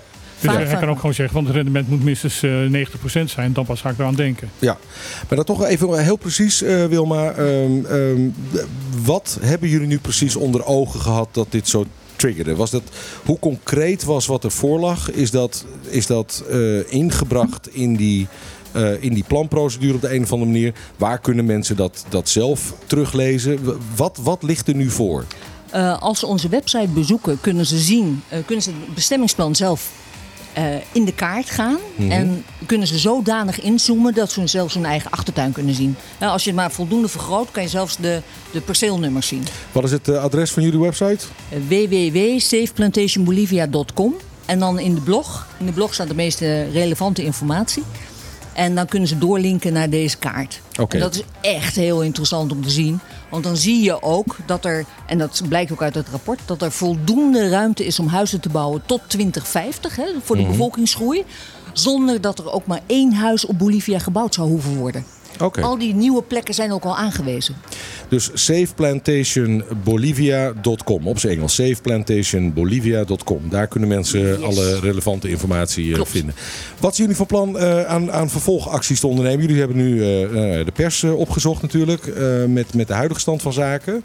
Ehm, wat voor, wat voor acties hebben jullie in gedachten? Nou, we hebben ehm, eh, vrij direct contact met de Nederlandse overheid. Ehm, want uiteindelijk wordt er gezegd, eh, ja, natuur en milieu is een bovenlokaal, niveau, eh, bovenlokaal belang. Dus dat eh, is de eindverantwoordelijkheid, ligt in Nederland. Dus vandaar dat we onze pijlen nu ook richten op Nederland. En uiteraard op de politiek hier. En we een meersporenbeleid. Want Bolivia moet behouden blijven. Ja, dat, dat, dat blijft nog steeds jullie doel. Jullie willen daar, willen daar absoluut geen ontwikkeling. Klopt. Ja, ja, ja. En als je dan ook kijkt eh, ehm, naar ehm, de wet, hè, de grondslagen eh, ruimtelijke ontwikkeling. Daar staat ook in dat je ruimtelijke ontwikkeling. Grondslagen, volkshuisvesting, ruimtelijke ontwikkeling en milieubeheer. Ja, Ja, ja, daar staat ook in. Frombis. Ja, Nee, niet Frombes. Welke bedoel jij nog? Grondslagen ruimtelijke ontwikkeling. Ja, ja dus volkshuisvesting, ruimtelijke ontwikkeling. Dat is, dat is een hele dat is een kaderwet. Ja. Nou. Frombes. Ja. Nou, in ieder geval, daar staat in dat het doel moet zijn van een Even in je ruimtelijke microfoon. Eh, daar staat in dat het doel moet zijn van een ruimtelijk ontwikkelingsplan om te zorgen dat er voldoende natuur- en recreatieruimte blijft voor de bevolking, ook rekening houdend met de groei. En de natuur staat op Bonaire enorm onder druk. Eh, als je kijkt hoe makkelijk hier een bestemming wordt gewijzigd van open landschap naar bebouwing of van natuur naar bebouwing of zelfs bouwen in de Ramsar, maakt allemaal niet uit. Als je een vergunning aanvraagt, krijg je hem hier wel. ja. Wat kunnen mensen die eh, ook geïnteresseerd zijn in het onderwerp, eh, wat kunnen mensen doen om eh, betrokken te raken bij jullie initiatief? Kunnen, kunnen die zich aansluiten op de een of andere manier? Is een nieuwsbrief? Hoe, hoe- Nou, op Facebook, op Facebook geven we heel veel informatie. Iedere dag verschijnt er een, een post op Instagram. Eh, we hebben de website. Ze kunnen altijd een mail sturen als, eh, als ze zich willen aansluiten en zich actief willen opstellen. Eh, heel graag zelfs. Ja. Hoe meer eh, belangstelling en hoe, hoe beter het is. Ja. Want dit moet gewoon gestopt worden. Oké. Ja. Men moet, ze, men moet in ieder geval duidelijk weten wat er gebeurt. En het gebeurt nu allemaal heel in het geheim. En dat is een slechte zaak. Wat eh, verwachten jullie als, als, als grootste hoop eh, dat... eh, ja, je, je richt nu ook je, je pijlen op, op de, de Europese politiek, de, Nederlandse politiek, de Europees-Nederlandse politiek. Ehm, welke instantie moet het meest onder druk gezet worden om dit de- voor jullie te keren? Eilandsraad. De Eilandsraad moet uiteindelijk het bestemmingsplan goedkeuren. En die hoeven het ook niet goed te keuren. Kijk, als de Eilandsraad niets doet, dan is het prima voor Bolivia. Want dan blijft het zoals het is. Want de bestemming zoals het nu is, daar mag niets gebeuren. Dat is eigenlijk wel goed nieuws voor ze. Ja, Dus, eh, Gewoon eigenlijk- helemaal niets hoeven te doen. Klaar. helemaal niets hoeven te doen. Nou, dat is het meest makkelijke. Ja. Nou ja, goed, zelfs als ze een beslissing nemen, hebben we nu gemerkt, dan doen ze eigenlijk nog niks. Nee, want dan moet het weer bekrachtigd worden. Ja. Als ze wel wat doen, gewoon de griffier erop zetten. Dat, eh, Nee, maar Ja, ja, ja. Als je als voorbeeld kijkt, eh, eh, bijvoorbeeld als je in Nederland een stuk bos zou kopen. Hè, je koopt een stuk bos voor een eh, schappelijke prijs. Dan werkt de overheid niet zomaar mee om daar een bestemming op te zetten dat je daar torenflats mag bouwen. Of villa's. Nee, dat klopt. Nee. Nee, dat is dat natuurlijk zou zo. hier ook zo moeten zijn. Het, Ja. eh, een, een hele Blue Destination plan. eh, heb, maar daar heb ik sowieso het idee dat plan Blue dat ligt er. Maar, Bestaat het nog? maar niemand is geïnteresseerd in Dat was toch een marketingsterm? Nee, Blue, Blue Destination doen we niet meer. Eh, Alles is nu sexy, toch? We, doen, Oh ja, ja, ja. ja, het is ja, nu sexy. Ja, maar alles is, ja. Ja, wel blauw sexy. blauw, se- blauw sexy. Dus de sexy de- destination is het geworden. Dat- Eh, wat, wat is, eh, Wilma, jullie verwachting eh, voor wat betreft de behandeling in de Eilandsraad van een, eh, van een gewijzigd ruimtelijk eh, eh, ontwikkelingsplan? denk- Wanneer is dat eh, aanhangig, denk je?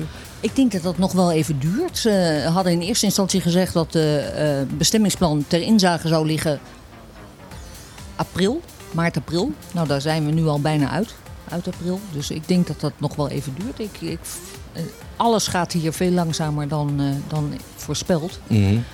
Ehm, openbaarheid is, is zeer, zeer de vraag. Hè. Je kan al bekijken, bijvoorbeeld bij Plantage Bolivia. Hebben ze gezegd, zeiden ze met een heel groot woord... wij gaan een, een merprocedure doen voor Bolivia. En toen vroeg ik, nou dat is mooi. Hè, hoe ziet die merprocedure eruit? En toen werd er gezegd, ja dit is een speciale merprocedure... waar ook de natuurcommissie uit is geschrapt. Ja, ja. En het is een vrijwillige merprocedure, dus degene die de procedure doet, kan op ieder moment stoppen Ja, daarna, daarnaast een merprocedure is een compleet wassen neus.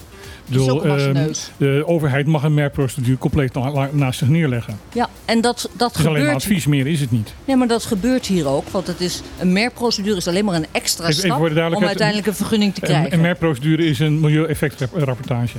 Ja, er zijn bepaalde ontwikkelingen wel meer plichtig natuurlijk. Maar je, de- waar het probleem meestal zit, is dat een, een echte eh milieueffectrapportage is een, eh, is een daadwerkelijk onderzoek waar eh, op allerlei manieren, geologisch, waterhuishouding en natuurwaarde, wordt op allerlei manieren gekeken naar wat de gevolgen zijn van, van, van een ontwikkeling. Mhm. En eigenlijk legt de wet je ook, de, de- of in ieder geval jurisprudentie die daar het voor is gevloeid, je de plicht op om eh, ehm, als je een merplichtige ontwikkeling eh, ehm, eh, pleegt, om de ontwikkeling zo te doen plaatsvinden dat de minst schadelijke effecten eh, optreden. Dus bijvoorbeeld je legt een weg aan, die kun je op drie manieren aanleggen. Dan ben je eigenlijk verplicht eh, door de rechter om de manier te kiezen die het minste eh, effect heeft op, op de omgeving. Waar het, waar het hier vaak fout gaat, is dat we het heel vaak hier hebben over wat je noemt een verkorte merprocedure. Een verkorte merprocedure is in feite een soort van ja, een soort van afstand op onderzoek, een soort van schriftelijke, een soort van marginale toetsing. eh, die niet is. Eigenlijk is het woord mer daarin is een beetje, Be- een beetje verneukeratief. Beetje, beetje misleidend. Ja, Ja. Het klinkt een beetje alsof. eh, ehm, eh, ik, ik, heb, ik heb er een beeld bij van die merprocedure, dat rapport. Daar hebben we een speciale lade voor. Hier onderin deze kast, hier op de derde verdieping. Nou ja, plus dat hier, eh, je zegt al van eh, de, de rechter moet dat, dat toetsen eventueel. En ja, hoe vaak gebeurt dat hier? Nou, eh, in mijn eigen tijd bij Stinapa, we gingen regelmatig naar de rechter hoor. Hm. En meestal winnen we dat als we het, als we het doorzetten. Hm. Omdat je kunt heel goed, zeker ruimtelijk ordeningsrecht en milieurecht, kun je heel erg goed toetsen bij de rechter. Eh, een voorbeeld is Celine de Vlijt. Ehm, nou, Karel hebben we natuurlijk, Karel Spier hebben we natuurlijk heel lang een eh, procedure gevolgd. Die- Ja, maar die- gaat nu uiteindelijk toch door. ja, daar was ik ook heel erg blij mee. Omdat op een gegeven moment moet je, moet je, moet je bepaalde procedures afronden, vind ik zelf. Maar eh, daar is wel heel erg lange procedure over gevolgd. En er is heel veel veranderd. En daar heeft Sinaap eigenlijk elke, elke instantie gewonnen. Dus het, het, eh, het kan wel. Het, is- het is niet, en ik, denk, ik neem ook aan dat de mensen van uh, Plantation Bolivia ook wel van plan zijn. Om als het niet gaat zoals jullie zouden willen dat het gaat. Dan neem ik aan dat jullie op een gegeven moment de stap naar de rechter zouden willen We zullen alles doen om het te voorkomen dat er iets gebeurt op de plantage Bolivia. Ja, ja. Nou ja, ik, eh, het wordt vervolgd. Het, het, het blijft natuurlijk een interessant onderwerp. En het is een onderwerp dat eh, inderdaad gaat over een enorm groot stuk van het eiland. Dat nog ongerept is, waar een enorme cultuurhistorische waarde aan zit. Eh, en ook een natuurwaarde. Ehm, dus ja, laten we het inderdaad goed in de gaten blijven houden. Ja, ik, eh, ik, ik- maar je zegt het nu, eh, ook de cultuur is belangrijk. Cultuurhistorisch is een enorm belangrijk gebied. Er, er is, eh, eh, wat dat betreft, eh, ik, denk, ik denk dat er nog heel veel uit de Indianentijd is. eh, wat, wat, gewoon, wat we gewoon nog niet hebben gevonden ter plekke. Eh, wat, wat dat betreft is er Even ook echt nog wel een boel te vinden. Ik moet even iets corrigeren. Het was inderdaad, had Wilma gelijk in. Er is nog een aparte wet eh, grondslagen ruimtelijke ordening. eh ruimtelijke ordeningsplanning. Dat is een klein wetje die inderdaad... eh, en die is inderdaad belangrijk in dit... Wilma, je hebt een wonder verricht. Ja, Want? nee, Je, nee, je hebt, je hebt, je hebt, ehm, eh, je hebt Arjen eh, op een vergissing eh, betrapt. ja, je hebt het verbeterd. You handed his Wauw. gas to him. Ik ben, Dat is ons- dat, dat is ons nog nooit gelukt. Dat, eh, Dat is, nou, wat een onzin. Kijk, dit is ook weer zo. Weet je, kijk ik, kijk, ik ben een van die weinige mensen die ook gewoon een vergissing toegeeft. Weet je? En dan word je, dan word je alsnog, go ahead, kick me when I'm down. Weet je wel? zo jammer nee, ook nee, weer. nee, nee, nee. Dus Eigenlijk is het een verkapt compliment. Oh, dat is een verkapt compliment. Nee, ja. nee, nee maar dat, dat klopt. Dat is helemaal, heeft helemaal gelijk. Zei je? Aan Wilma. Aan Wilma in dit geval. Nee, zeker. hey, maar eh, blijf ons ook eh, op de hoogte houden. Het is, een, eh, het is een, nogmaals, het is een ontzettend belangrijk onderwerp. En inderdaad, cultuurhistorisch ook. Het, het, is Ja. dat, het is een van de gebieden waar we vrijwel zeker van weten dat daar de eerste, eh, eh, eh, de eerste en bevolking heeft gezeten. ja. De pre-Columbiaanse geschiedenis die daar in de grond moet zitten. Die, eh, waar we nooit echt goed archeologisch onderzoek naar hebben gedaan. Klopt. Die, die, die moet daar enorm zijn. Ja. dus- Ja, en, Ja, maar dat, dat is ook wat Naam nog zei. Hè? Naam, de, de archeologische organisatie uit Curaçao. Ja. Die zeiden ook van ja, wij zouden daar nog heel graag onderzoek doen. Omdat er heel veel eh, aanwijzingen zijn dat Ja. we daar nog enorm veel kunnen vinden. Ja, en daarnaast, ehm, het is 10% van het eiland en dat mag niet aan de democratie ontrokken worden. Nee. En dat is wat op dit moment wel gebeurt. Nee, nee, nee. Kijk, dat gebeurt niet. Eh, strikt genomen gebeurt het natuurlijk niet. Op een gegeven moment gaat dat ROB gaat naar de Eilandsraad. Het is, een, het, is, eh, het is aan de Eilandsraad onze gekozen volksvertegenwoordiging om de ruimtelijke ordening. Maar heb je daar enig vertrouwen in met, met twee partijen, Daar- de, de regierings- of eh, collegepartijen die gewoon klakkeloos doen wat, eh, wat, er, wat er gezegd wordt? Nee, daar heb ik het vertrouwen in dat ik, dat ik hetzelfde vertrouwen in als ik in mezelf Nou ja. heb. Wij, wij, wij stemmen voor die eilandsraad. Eh, die eilandsraad neemt beslissingen eh, voor ons. Dus dat is volkomen democratisch. En Weer ervan terugkomend op, het, eh, op de toeristenbelasting. de, daar hebben ze, de- waar de, de eigen partij opeens... Ja, nee, maar goed. Nee, maar wat ik bedoel te zeggen is, als, als dat ruimtelijke ontwikkelingsplan er doorkomt, inclusief zeg maar een soort van uitzondering, een soort van uitname Bolivia, hè, dus dat Bolivia in essentie zichzelf mag ontwikkelen onder voorwaarden, ja, dan is dat het kennelijk wat de meerderheid van het eiland wil. Zo werkt democratie. Ja, maar dat betekent dus dat je als eiland iemand die eh, eh, een investering doet, hè, die een stuk grond koopt, eh, meewerkt om hem honderden miljoenen ten koste van het eiland te laten verdienen, zonder dat hij iets teruggeeft aan het eiland. Ja, nou ja, goed. Nogmaals, advocaat van de duivel, de ontwikkelaar en de voorstanders van dit eh, project. En dat zijn in dit geval NPB en eh, OPB in de politiek. eh, die zullen zeggen: nee, er komen woningen voor terug. Er komen, hè, we hebben een woningtekort op het eiland. er, vindt ontwikkeling plaats. natuurlijk. Dus, Ja, maar die woningen kunnen overal gebouwd worden. Dat zegt Nee, het nieuwe ontwikkelingsplan. Ja, ja, Nee, ja, nee goed. Ja, als, je, als, je, als je me, persoonlijk vind ik inderdaad ook. We moeten vooral verdichten en niet, niet, niet verbreden op het Nee, eiland. want dat heeft de minste gebieden- impact op de natuur. Ja, er zijn vo- voldoende gebieden al in in eh, min of meer de bebouwde kom eh, waar, we die, eh, waar we die woningachterstand, die woningnood kunnen oplossen. Dus dat ben, dat ben ik helemaal met je eens. Maar dat is mijn persoonlijke mening. Ja, en, en wat, eh, En- wat eh, hoe heet die, Kroon zei gisteren in, een, eh, in de krant... dat eh, misschien het stadion verplaatst wordt hier uit het centrum. Nou, daar Ja. wilde ik het graag nog even over hebben. Daar kunnen we dan mooi de Nee, huizen ik, ik, bouwen. ik wil het graag over hebben. Het is toch zeer opvallend. En daar wil ik even mee afsluiten. Want we hebben nog twee gasten en we Ja. hebben nog maar drie kwartier de tijd. Oh, het is al zo laat? Ja, zo is het heel laat. Ja, en we zijn ook nog een muziekprogramma. Er zijn ook nog een muziekprogramma, Ja. dat komt helemaal in het Maar het is wel opvallend dat een eh, gedeputeerde, eh, als het weer ergens tegen de verkiezingstijd aanloopt, opeens met allemaal uitspraken komt dat er misschien 20 miljoen extra komt voor misschien extra, 20 miljoen extra komt voor de wegen. En dat er mogelijk het stadion verplaatst gaat En er worden. weer gaten in de wegen gevuld. Ja, ja, ja, echt prachtig. En er Ja. komt een racebaan. Ja. Ja, ja. Ja. Nee, hartstikke goed. Wilma Nijland van eh, de actiegroep Safe Plantation eh, Bolivia. Hartstikke bedankt voor je, voor je toelichting. Graag. Jullie bedankt voor de tijd. Ja, dankjewel. En tot een volgende keer. Ja, eh, Nu zak. want, eh, het gaat verder. hey, jongens, die Tom Grennan, hè, wil je hem toch nog horen? Ja, tuurlijk joh. Oké, nou die klinkt absoluut. zo. Millions of hours become days. Your pictures that keep me awake. I was trying to find you see if the love was still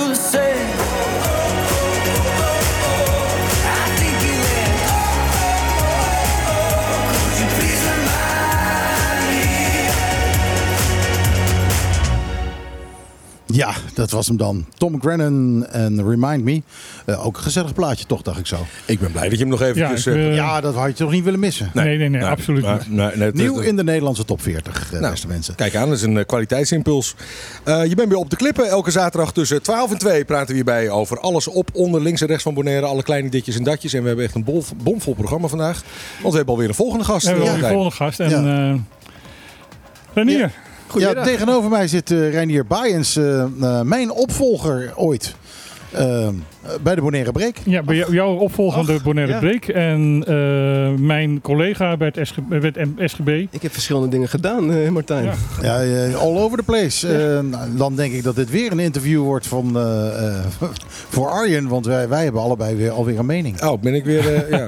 Nou, dan is mijn eerste vraag, eh, Reinier. Eh, jij zit hier omdat we elektrische scooters gaan introduceren op het eiland. Klopt Ja, dat? Klopt. Vraag 1. Rijden die net zo hard als die golfkarretjes of ietsje sneller? Ietsje sneller. Ja, gelukkig. Ja, nee, ja. dat is goed. En je kunt er wel voorbij natuurlijk. Eh, en je kunt er makkelijker voorbij. Ja, dat is natuurlijk zo. Nee, maar vertel eens. eh, je hebt een plan om, eh, om elektrische scooters Ja, te rijden. Klopt. We zijn afgelopen week zijn we geopend. Ah, nou, eh, Ja. van harte gefeliciteerd. Dankjewel. Ja. Ja. Vertel, hoe, hoe is dat zo gekomen dat je dacht Nou, van, laten we dat eens doen? Nou, ik deed dus eh, werken voor Bonaire Break, eh, wat je collega net al vertelde. En eh, wat me opviel was dat al die jongeren daar op een scootertje stappen. En ja, dat er altijd tekort was. En toen dacht ik, ik ben zelf ooit docent geweest eh, duurzame leefomgeving. Ik dacht, ik wil iets gaan doen met groen, iets met duurzaamheid. Eh, kan ik, da- kan- daar wil ik iets mee doen. Dus toen ben ik gaan nadenken en gaan praten met, eh, met vrienden van me. En toen kwamen we op dit idee. Ja. Om daarop in te springen. Maar dat lijkt me niet alleen maar een kwestie van, nou eens kijken op alibaba.com, waar Nee. haal ik elektrische scooters Nee. vandaan. Je hebt ook een infrastructuur nodig, reparateurs, oplaadpunten. Ja. Vertel eens, hoe, hoe, hoe, hoe zit de infrastructuur in elkaar op dit moment? We hebben een pand eh, achter eh, restaurant Metsen. Dat is heel wat. En daar laden we alles op. En van daaruit kunnen mensen een scootertje meenemen. Dat is eigenlijk onze structuur. Dus we hebben gewoon een winkel, fysiek. Ja. En me- me- met een oplaadpunt ook. Met oplaadpunten punten in onze winkel. Ja. Eh, en Zijn de Ja. scooters met, met losse accu's die, dat je kan wisselen? als je een scooter meeneemt naar, naar je appartement of naar je hotel, dan kan je de accu er gewoon uitpakken en kan je hem in je hotelkamer ook opladen. Dus dat eh, zijn verschillende dingen. Je kan of een dagje, dan krijg je een volle accu mee, kom je 's ochtends halen en aan het eind van de dag dan breng je hem weer bij ons terug. Of je neemt hem voor een paar dagen mee en dan kan je hem zelf op, opladen.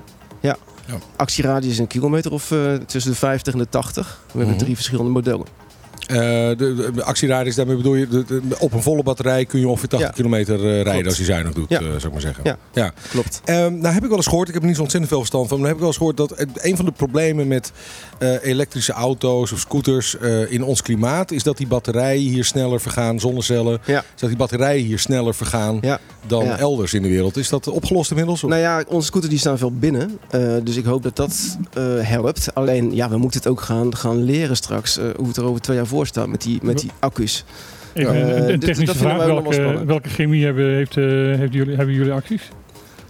Welke chemie hebben onze accu's? Ja? Oh, jullie accu- oh, accu's? Oh, de acties. Eh, het zijn, accu's. het zijn lithium-accu's. Ja, maar li- is het eh, lithium eh, eh, metaal, eh, of nee, eh, ferro met metaal of is, is het lithium-ion? Dat maakt hier- nou nog wel we, veel we, uit. we hebben twee verschillende soorten accu's. Alle, allebei. Ja. Allebei, we hebben want- drie, drie verschillende Ja, scooters. want Ja. eh, li- lithium-ion gaat hier het slechtste mee. Eh, eh, de LiFePo, eh, de LiFePo 2, dat is dan de, de, de, de chemische, de, de gaat veel langer mee hier. Nee, je, bent, je bent mij echt kwijt. Ik, ik wist ongeveer dat sommige batterijen gewoon niet lang meegaan. Ja, dat klopt. Lithium-ion klinkt als de bekende eh, Lithium- 19e-eeuwse Roemeense president. Maar, Lithium-ion zijn de batterijen die ook in jouw laptop zitten. Ah, kijk. Ja, ja. Ja. Hoeveel scooters hebben jullie rondrijden? We hebben er nu 50. Eh, we hebben nu over de helft in elkaar staan, dus we zijn al druk aan het sleutelen. Eh, en we hopen volgende week alles te hebben. En in, in mei wil echt officieel open. En waar komen ze vandaan, die scooters? Eh, we hebben een Nederlands merk, AGM. Die scooters worden gewoon in Nederland geproduceerd. En we hebben een aantal scooters die komen uiteindelijk ja, komen uit China. Alibaba. Nee, niet via Alibaba. We werken samen met een Nederlands bedrijf. Eh, ook omdat we willen dat de ondersteuning gewoon goed is. Dus als er problemen zijn, kunnen we op hun terugvallen. Ja. Dus het is niet direct uit China eh, hierheen. Nee, er zijn wel dingen waar we, die we heel goed hebben uitgezocht. En Ja. doen jullie ook eh, lange termijn verhuur? Dus, eh, we En ook. doen jullie ook verkoop? We doen geen verkoop. Nee, nee we- maar we doen wel voor de, voor de long term ook. Ja, klopt. En als iemand dan zegt van nou, laat mij, doe mij maar zo'n eh, elektrisch scootertje. Hoe, eh, hoe, kunnen ze, hoe kunnen ze je vinden? Je zit achter eh, restaurant Metsen, Ja. begrijp ik. Maar ze kunnen me gewoon appen op mijn telefoonnummer. Nou, kijk ik heb een website, daar ben ik op te bereiken. Ze kunnen bij ons in de shop gewoon binnenstappen. Ik zit op Instagram, op Facebook, verschillende kanalen. nou, dan is dit Ja. het moment om even je, je WhatsApp-nummer te noemen en een, en een Instagram-account. Uh, WhatsApp is 795-0211. En ehm, Instagram, je kan ons vinden onder Greenbikes Bonaire. En eh, Facebook hetzelfde, Greenbikes Bonaire. Zegen- Ja. 795-0211 of Greenbikes eh Bonaire Klopt. op de socials. Ja, klopt. Ja. Nou, Renier, ontzettend bedankt voor je komst. Nou, ho, ho, ho, ho. Oh, oh, ik, heb nog, ik heb nog een vraagje aan je. Ehm, het is bekend dat, eh, dat elektrische auto's hier hoeven geen wegenbelasting Ja, te betalen. klopt. Oh, Ja. oké. Ja. En geldt dat ook voor die scooters? Nou, dat is wel een goede vraag. Eh, in 2010 eh, was er een verordening hier op het eiland dat scooters ook gewoon geen wegenbelasting hoeven te, te betalen. Maar in 2016 is dat aangepast. En nu is het dus wel, wij betalen gewoon wegenbelasting met onze elektrische scooters. Hetzelfde geldt eigenlijk een beetje voor de invoerrechten. wat, wat is, wat is, eh, waar, waar wordt het eh, verschil gemaakt in, in de wet? Of in de, in de, in de regeling? Eh, ik, Aantal wielen? Aantal wielen, drie wielen en meer is 0%. Is geen wegenbelasting, is 0% invoerrechten ook. En eh, twee wielen is 8% invoerrechten en, en gewoon wegenbelasting. Ja, Waarom, heb- waarom, heb- waarom heb je geen elektrische trikes eh, geïmporteerd dan? ja, dat, dat eh, moeten we misschien ook maar eens gaan doen, ja. ja. dat, dat scheelt er ook. Maar staat, staat er ergens in de, in de regeling dat je dat wiel op de grond moet hebben? Of mag je ook gewoon een wieltje aan je, aan je, ja. aan je, aan je fiets, aan, aan je Ja, stuur Martijn, vastmaken? dat- zo goed heb ik het niet uitgezocht. Ja, ik, ik, ik weet niet. Wat, wat ik hoop is uiteindelijk dat ze ook onze kant... Ja, dat, dat daar ook wat versoepelingen in komen. Dat ze erover nadenken. Want ik, wij proberen toch ook wel mee te denken in het duurzame aspect van het eiland. En de, de Blue Destination. Dus ja, wat, wat, wat is de reden dat dat aangepast is? Heb je, heb je daar een, een Nee, verklaring voor nee, gekregen? Weet ik niet. Nee, nee. Nou, is het Nee. aangepast of is In gewoon niet over 2016 nagedacht? In 2010 is, was, was, is de regeling gekomen van dat alles wat elektrisch is, eh, hoeft geen wegenbelasting, hoeft geen invoerrecht Ja. te betalen. In 2016 is aangepast dat je drie wielen of meer moet hebben. Oké, Voor dat, hebben ze- dat hebben ze toegevoegd. Dat hebben ze toegevoegd. Ehm, Is dit beleid of is hierover nagedacht? nee, ja, maar toen, toen waren er nog helemaal geen elektrische tweewielers. Ja, Dus, dus, Dus goed punt om. waarom? eh, ja, ja. Nou, echt, echt bizar. Ja. Nou, maar dat, dat, lijkt me een puntje van, eh, van aandacht. Dat zou, je, dat zou je zo eens bij. Het dat lijkt is, mij namelijk eh, dat je liever elektrische scooters eh, op het eiland hebt dan die golfkarretjes. Ja. Want die scooters kom je nog wel voorbij, maar die golfkarretjes... En Dat die is, scooters gaan ook harder. eh, ja, dat is altijd een probleem natuurlijk. Dat ze hard kunnen. Maar eh, je- Zeker als je de tieners opzet. ja, dat is waar. Ik bedoel, ik, m- mijn brekergeschiedenis eh, weet ik ook. Die scooters die horen niet harder te gaan eh, dan, dan 60. Maar soms dan kunnen ze wel harder. Mhm. Nou, dan kwamen ze geloof ik... No, in de menen die kan 90 km per uur. Dan denk je, ja, jeetje. Doe, ik- dat, doe dat nog eens. Praten, praten ze zo? Die, die, Ja, die ja, ja, daar herken je een breker aan. Oh, j- jullie zijn blij dat je van de brekers af bent, eh, begrijp ik. Is dat, is dat, eh, Ik, eh, ik geef even geen, komen ze, even komen ze geen nog commentaar. eiland? Hebben, hebben we ze nog, brekers? Ja, Ja, zeker. Ja, absoluut. Ja. Dat, dat zijn toch die jongens, die jongens en meisjes die op Bachelor Beach en voor problemen zorgen midden in de nacht? nee. De politie allemaal van die rotsblokken Nee, dat, dat is het sneuien. Ze worden, er wordt altijd naar ze gewezen, maar, ehm, maar meestal zijn zij het juist helemaal niet.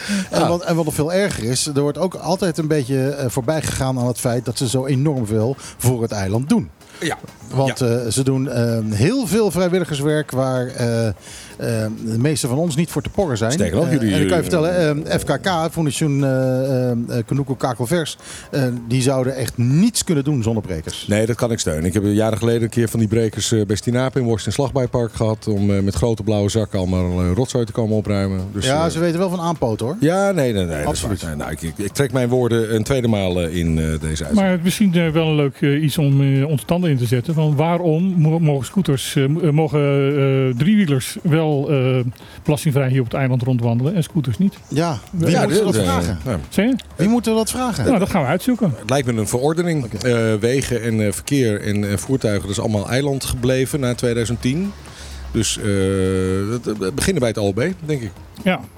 En, Ja. en, en, en, en kijken van, van waarom is dat in 2016 aangepast? Ja, nee, ja interessant. Ja, dat, dat- wordt vervolgd. Als we Best Beach hebben afgerond, dan eh, gaan Renier, we... als we iets eh, vinden, dan eh, houden we je op de hoogte. Martijn, dankjewel. Renier Bijens eh, van eh, Green Bikes eh, Bonaire, hartstikke bedankt. Graag gedaan, tot ziens. Oké, en ik heb iets leuks eh, voor jou, eh, eh, Martijn. Eh, Oh, vorige week had ik hem niet bij me, maar eh, hier is hij dan. De eh, nieuwe single en de eerste single in 30 jaar van Pink Floyd.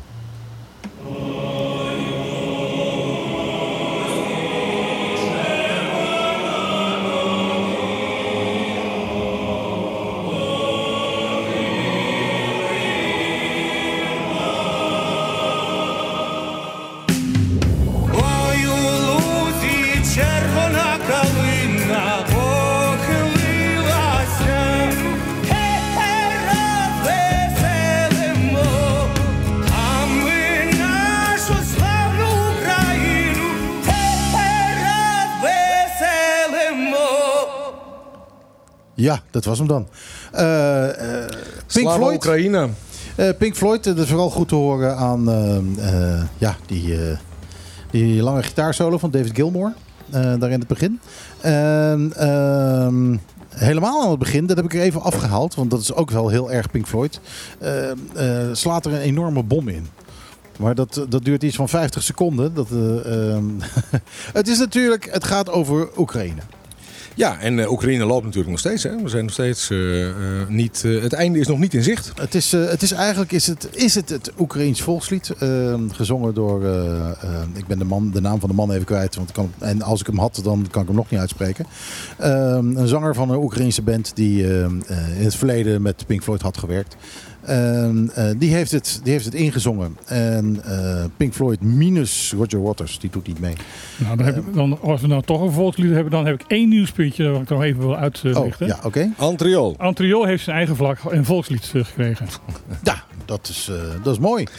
Ja. Dus maar- mijn vraag was gelijk van wanneer komt de eerste ehm, onafhankelijkheidsbeweging in Antriol? Ja, precies. Eh vrij Antriol. Ja, en dat, eh, eh, de Dia Antriol, dat gaan we natuurlijk vieren op eh, 27 april. En over 27 april gaan we het ook hebben met onze laatste gasten, laatste gasten vandaag in, eh, op de klippen. Eh, en die zitten al aan tafel, want we gaan het hebben over de fundraiser en Radioton. Die we op 27 april gaan organiseren. Waar met wij ook aan 9 FM. meewerken. Waar iedereen Ja. behalve ik aan deze tafel aan meewerkt. Ja, ik, eh, ik, eh, ik, eh, helaas moet ik weer zes uur lang eh, me laten vervelen door een stel kinderen. Want dan mogen we weer, het, format is weer hetzelfde als, eh, als we elk jaar doen. Hè? Dat kinderen mogen plaatjes aanvragen voor Ja, geld. ja. Geld van de ouders dan, natuurlijk. En dat gaan we allemaal doen ten faveur van... Zeg het maar. Voedselbank, De voedselbank. voeding op school en babypakketten op. Bonaire. Nou. Kijk eens aan. Aan tafel hebben we Marilijn van Kiwanis. Van Kiwanis En John Flipsen van de Rotary. en John Flipsen van de Rotary. Eh, want de drie eh, serviceclubs op het eiland, eh, wie we dan nog even niet hebben aan tafel nu is Lions. Eh, maar eh Kiwanis en Rotary zijn aan tafel. Die doen dit natuurlijk al jaren. Eh, eh, ieder jaar doen jullie fundraisers voor, voor belangrijke goede doelen op het eiland. Ja. Eh, en aanstaande, wat is het? Het is een woensdag hè, geloof ik, 27 april. Is dat dus weer het geval. Vertel eens, wat is, wat is de opzet? Wat hebben jullie in gedachten voor dit jaar? Ehm, nou ja, eigenlijk is, eh, we, doen het nu voor het derde jaar. En eigenlijk is het eh, ieder jaar eh, dezelfde opzet. En dat is dat we van 12 tot 6 staan bij Mega Hit FM buiten. En op de parkeerplaats van MCB in Playa. En de bedoeling is dat we zoveel mogelijk geld ophalen. En dat kan zijn door inderdaad wat je al zei, dat mensen plaatjes kunnen aanvragen voor geld op de radio. Ehm, mensen kunnen langskomen en geld brengen. Mensen kunnen ook geld overmaken als ze willen. En ehm, eh, ook kunnen, kunnen we voedsel bijvoorbeeld voor de voedselbank gebruiken. Dat mag iedereen ook komen brengen of nou ja, wat je maar kwijt wil. Ja. En vertel eens iets over de drie, eh, eh, John, iets over de drie goede doelen die jullie dit jaar eh, steunen. Waarom vinden jullie het zo- zo belangrijk dit jaar om deze drie goede doelen eh, te ondersteunen? Ja, het is helaas eh, blijft noodzakelijk. Voedselbank, eh, voeding op school, ehm babypakket Bonaire. Er zijn gewoon nog helaas ieder, ja, ieder jaar nog steeds te veel mensen die, eh, die het nodig hebben. Dus eh, we hebben ervoor gekozen om toch gewoon dit doel weer te gebruiken. Omdat het gewoon altijd welkom is. En eh, wij als Rotary zijn gewoon heel blij dat we dat samen met Lions en Kiwanis die het geïnitieerd hebben kunnen doen. Dus gewoon een, ook geweldig dat we als serviceclubs dat samen doen. Hè. Het is, ik denk dat we dat met z'n allen, ja, ook als we kijken hè, naar Oekraïne, wat daar allemaal gebeurt, dat we met z'n allen heel erg bewust moeten zijn dat we het samen moeten doen. En eh, ja, eilandjespolitiek hebben we niks aan, dus eh, ook wij gaan dat lekker eh, met z'n allen samen doen. Ja, en natuurlijk ehm, ja, de flexibiliteit ook weer vanuit Ron en volgens de Bonaire eh, is eh, geweldig. Dus, eh, Ja, want dat wordt inderdaad. Je kunt dus langsrijden bij, bij MCB, maar ook voor, het, voor de studio's waar Bos die worden gedeeld door Bos di Bonero en, en Megahit FM. We gaan het dit jaar ook tweetalig doen. Er worden op twee zenders tegelijk uitgezonden. Megahit FM tussen 12 en 6. En, maar ook Bos di Bonero 12 en 6. Eh, dus dat betekent ook dat we het deels in het Nederlands zullen doen en deels in het, in het papiaments. En ons aandeel is dan inderdaad om... vervelende kinderen in de studio te krijgen. Die allemaal eh, rare smurfelliedjes gaan aanvragen. Je hebt er echt zin in, hè? Nee, totaal niet. Maar, eh, dat, eh, Het is voor het goede doel. En dan mogen ook volwassenen gewoon liedjes aanvragen. Oh, oh volwassenen ook? Oh. iedereen. Ja, volwassenen Als je maar mogen betaalt. Oh, ja, ja, dat, is- ja nee, dat- zijn we dan inderdaad wel. We zijn natuurlijk woensdag eh, prostitueren wij ons gewoon. Hoe, hoe hoger het bedrag? zelfs ouder vandaag mogen. Ja, Iedereen. Ja, nee, en er mag, er mag zelfs mogen liedjes die Michiel van Bokhorst leuk vindt, mogen worden aangevraagd. Zo erg Er wordt mogen het. zelfs liedjes aangevraagd worden die Ron niet in het systeem hebben- heeft staan. Je mag alles aan. We komen met iPad, Spotify. Ja, we, ja. gaan, we gaan gewoon alle auteursrechten breken. En, eh, alle, Die, alle- hebben- die kennen we hier niet. Nee, die kennen we hier niet. Dus Nou dat, kennen ze wel, we maar. Ja.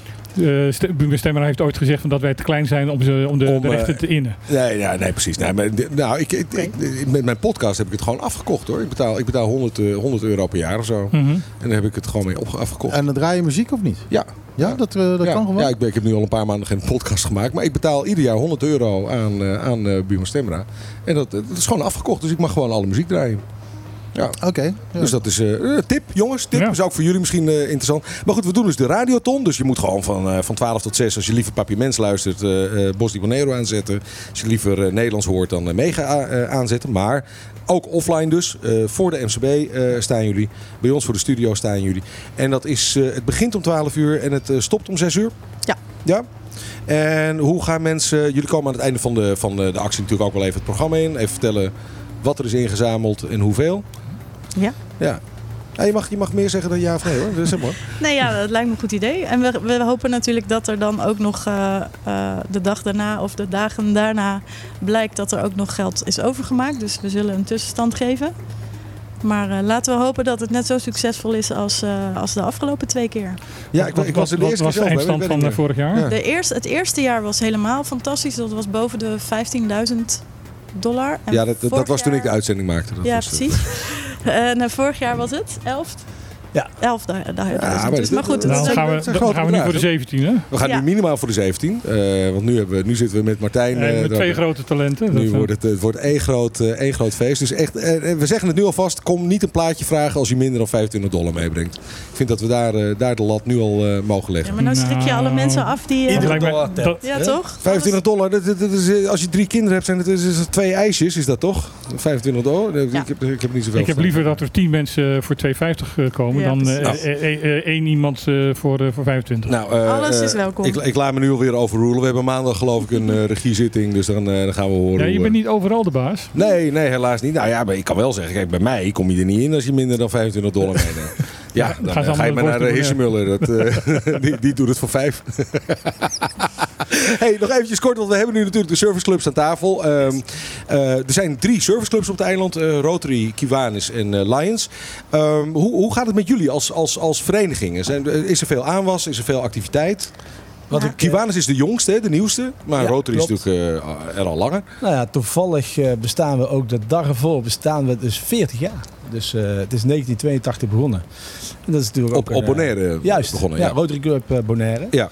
En dat, dat vieren we natuurlijk leuk. En ehm, het is natuurlijk fantastisch dat we dan die woensdag ook die radioton hebben. Omdat, eh, maar het is wel een, ehm, ja, het is gewoon een algemeen gegeven dat het... ja, er wordt wel eens getwijfeld over het bestaansrecht van serviceclubs. Ehm anderzijds, het is echt nodig.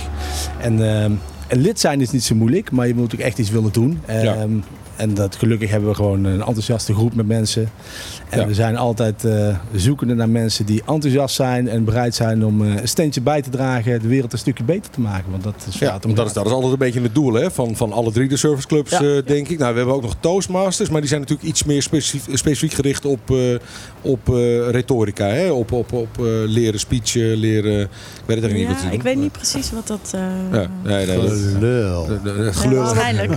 Ja, nou, in ieder geval, dat, dat, dat zou ik misschien nog wel leuk vinden inderdaad. Maar, Ik heb een Ehm, politiek gelul nu. Denk ik. Ja, ja, het is ook gelul. veel politiek Ehm, gelul. En Kiwanis is die voor politiek.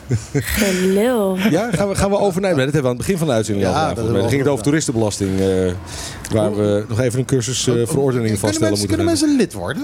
Ja, dat, dat was ook mijn vraag. Kiwanis, even, even naar Kiwanis, want dat is de, de jongste eh, serviceclub. Hoe, hoe werkt dat? Werkt dat bij Kiwanis anders dan bij de andere? Hoe, hoe word Hoe je werkt lid? het bij de anderen? En nou, wat ik ervan begrepen heb, is dat je bij de meeste clubs eh soort van uitgenodigd moet worden of gevraagd. Het is inderdaad vaak, je wordt ge- uitgenodigd en dan kom je een keertje mee. Eh, is er een klik, ja of nee? Hè? Want het is ook, eh, heel veel mensen vinden het leuk om een keertje langs te komen. Maar je moet dan, wij ontmoeten elkaar eh, één keer per week. Eh, dus dat is vier keer per maand. Dat is best een eh, Ja. anderhalf uur. Dus het kost echt wel tijd. En dan, eh, ja, dan, dan, worden wel zaken besproken. Ehm, dus je moet wel de tijd van willen nemen. Ja. Ehm, ja, je moet gewoon... eh, Maar, één keer per week kom je samen en, en, en, en wat doe je dan? Dan zit je rond een tafel te soort van te vergaderen? Of, eh, of is- het eh, gezellig eh, oude jongens krentenbrood lekker wat drinken? Of wat het is is een, eh, een combinatie van. Het, het, een soort van businessborrel, we maar zeggen? Het is, ten eerste is het, het moet ook gezellig zijn. Hè? Want op het moment dat het niet gezellig is, dan eh, komen er ook geen mooie Ja, dingen dan eh, haakt iedereen stand. ook af. Dus, eh, maar het is zeker zo dat er... eh, kijk, we maken de plannen. Hè? We, die radioton. eh, er zijn, eh, wat doen we nog meer? Ja. Rally. Eh, de bibliobus. Ja, Eh, Rally. nou, precies. Ja, de Stichting Lezen en Schrijven is opgericht door, eh, door Rotary Club. Ehm, dus het, er gebeurt van alles. En dan moet gewoon, eh, daar heb je het met elkaar over. Er zijn committees en de ene die houdt zich bezig. Maar je moet ook je membership eh, gewoon tevreden houden. Je moet weten wat er speelt. En het is, en dat is gewoon een feit, COVID heeft het niet makkelijk gemaakt. Het is, eh, de mensen zijn toch op een andere manier onder druk komen te staan. Waardoor op een gegeven moment toch andere prioriteiten gaan, gaan gelden voor mensen. En dan moet je als club ook begrip voor hebben en de mensen de ruimte geven om dan eventjes zich terug te trekken. Maar in die Ja. end, we moeten het met z'n allen doen. En ehm, Ja. Ja, er is genoeg te doen. Maar ja, Nou, jullie nodigen ook sprekers uit. Jullie hebben het ook over. Ja, ik, heb, ik heb er ook wel eens een praatje gehouden bij, eh, bij Rotary. Wij vinden het heel belangrijk om... eh, ik- Maatschappelijke ontwikkelingen volgen. Juist. Dat, ja, ja, Ik denk, en ik denk dat ik ook voor Kiwanis spreek. Het is gewoon heel belangrijk om als serviceclub op de hoogte te zijn wat er speelt in de, op Bonaire dan met name. Want eh, de clubs zijn heel internationaal georiënteerd. Maar wij proberen het ons toch eh, zoveel mogelijk op Bonaire te richten. Want daar is het wat... wat waar, daar moet het voor ons gebeuren. Ja. En eh, ja, dat is belangrijk. Wat is, eh Mieke, zo door de oogharen bekeken, wat, zijn- wat, wat, wat zijn nou de belangrijkste verschillen eigenlijk in profiel ook van leden tussen Kiwanis, eh, Rotary en, eh, en Lions? Wat, wat, zijn het ander soort activiteiten, ander soort mensen? Wat, Nou, sowieso heeft Kiwanis eigenlijk als, eh, als hoofddoel om echt eh, het leven van de kinderen in de breedste zin van het woord eh, leuker te maken. Dus eh, onze projecten zijn vooral echt gericht op kinderen. Ehm, als we naar de leden kijken, dan denk ik dat eh, Lions en Kiwanis eh, best wel veel Bonaireanen in de, in de club hebben. Jullie ook wel, maar ik denk wat minder. Of niet? Het is niet zo dat... nee, iedereen is bij ons welkom. En, ehm, maar je hebt gewoon... Kijk, je kunt net pech hebben. We hebben afgelopen jaar hebben we ook wat leden hebben afscheid genomen. Ja, en dan, eh, ja, dan verandert zo'n eh, zo'n club ook eh, qua... qua, qua ehm, ja, hoe noem je dat? Samenstelling. samenstelling. Maar het is gewoon... Het moeten gewoon mensen zijn. En eh, waar we vandaan komen is niet belangrijk. Het moeten mensen zijn die het hart op de goede plek hebben zitten. En die bereid zijn te willen- En die investeren willen in de- doen. in de en wat natuurlijk... En Ja. we moeten inclusief zijn. Dus het is... Iedereen is daarin welkom. Ja. En, ehm, het, Maar je moet wel gevraagd worden. ja, ja je moet, het moet in ieder geval, omdat je vanuit een bestaand netwerk probeer je het ehm, probeer je op te bouwen. Ja, Maar het is ja. niet zo, kijk, het is ook zo, we hebben gastsprekers. En als je vanuit daar eh, bepaald enthousiasme, als enthousiasme ziet, ja, dan kan ook vanuit daar eh, kunnen dingen weer ontstaan. Maar dat Is er, is er ook enige animositeit tussen de te- verschillende serviceclubs? Is het een beetje zo van eh, wij zijn wij en jullie zijn jullie en eh, ah, broek uit? Nee. Nee. Nee, nee, heel belangrijk. Nee. Daar- daarom is dit ook zo leuk dat we dat met z'n allen doen. Ja. Ehm, nee, we doen het met z'n allen. En eh, net uh, Kiwanis richt zich met name eh, in de basis op eh, met kinderen. Ehm, Rotary heeft een heel algemene. wij- wij kijken gewoon waar we denken wat, wat, wat nodig is. En eh, ja, het is, jullie weten het als geen ander, het is heel erg nodig. Ja. Dat er, Nou ja, en dat deze samenwerking is, toen, is eigenlijk dus twee jaar geleden ontstaan toen eh, corona kwam. En eh, Rotary heeft altijd op Koningsdag een eh, feria gehad, maar dat kon allemaal niet doorgaan. En we konden eigenlijk heel weinig doen eh, vanwege alle regels, maar het was juist zo hard nodig. Ja. En toen hebben we dus eigenlijk bedacht om dit te gaan doen. En dan ook met elkaar, omdat we juist dat heel erg leuk vonden om een keer... In plaats van allemaal ons eigen dingetje, een keer met elkaar dit te doen. Ja. Nou, ik vind Dus. Die willen we erin houden eigenlijk.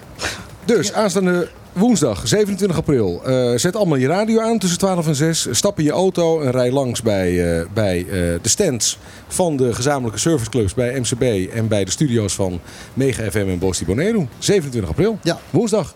En dat is een goed ding. En neem geld mee.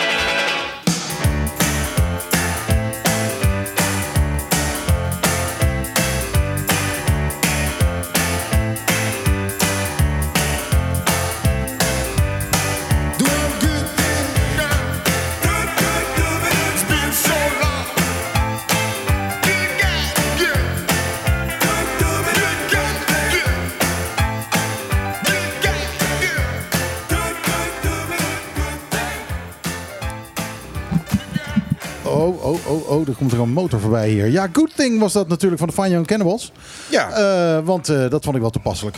Dat, eh, die mensen doen een goed ding. En dan hebben we... We hadden wel een hoop gasten vandaag, man. Hebben we nog? Ja, nou, we, hebben nog 12 minuten. 12, 12 minuten, Nog 12 dus we minuten. kunnen het over nieuws hebben. Eh, ja, nieuws. Vertel eens wat je, wat je wil weten. Wat ik wil weten. Nou, maar, Martijn die, die levert eh, iedere week een enorme lange call sheet aan. Met allemaal belangrijk en, en ook minder belangrijk, zeg je er eerlijk bij. In ieder geval, we moeten het over hebben, is dat Adje Kuiken, fractievoorzitter is geworden van de eh, PvdA. Oh ja, laten we even de blik eh, Is buiten het, Bonaire glas, richten. is Ja. het glas half vol of half leeg? Nou, dat is eh Adje Kuiken is inderdaad eh, dat uh, woordvoerder Koninkrijksrelaties eh, voor de Partij van de Arbeid in de Tweede Kamer.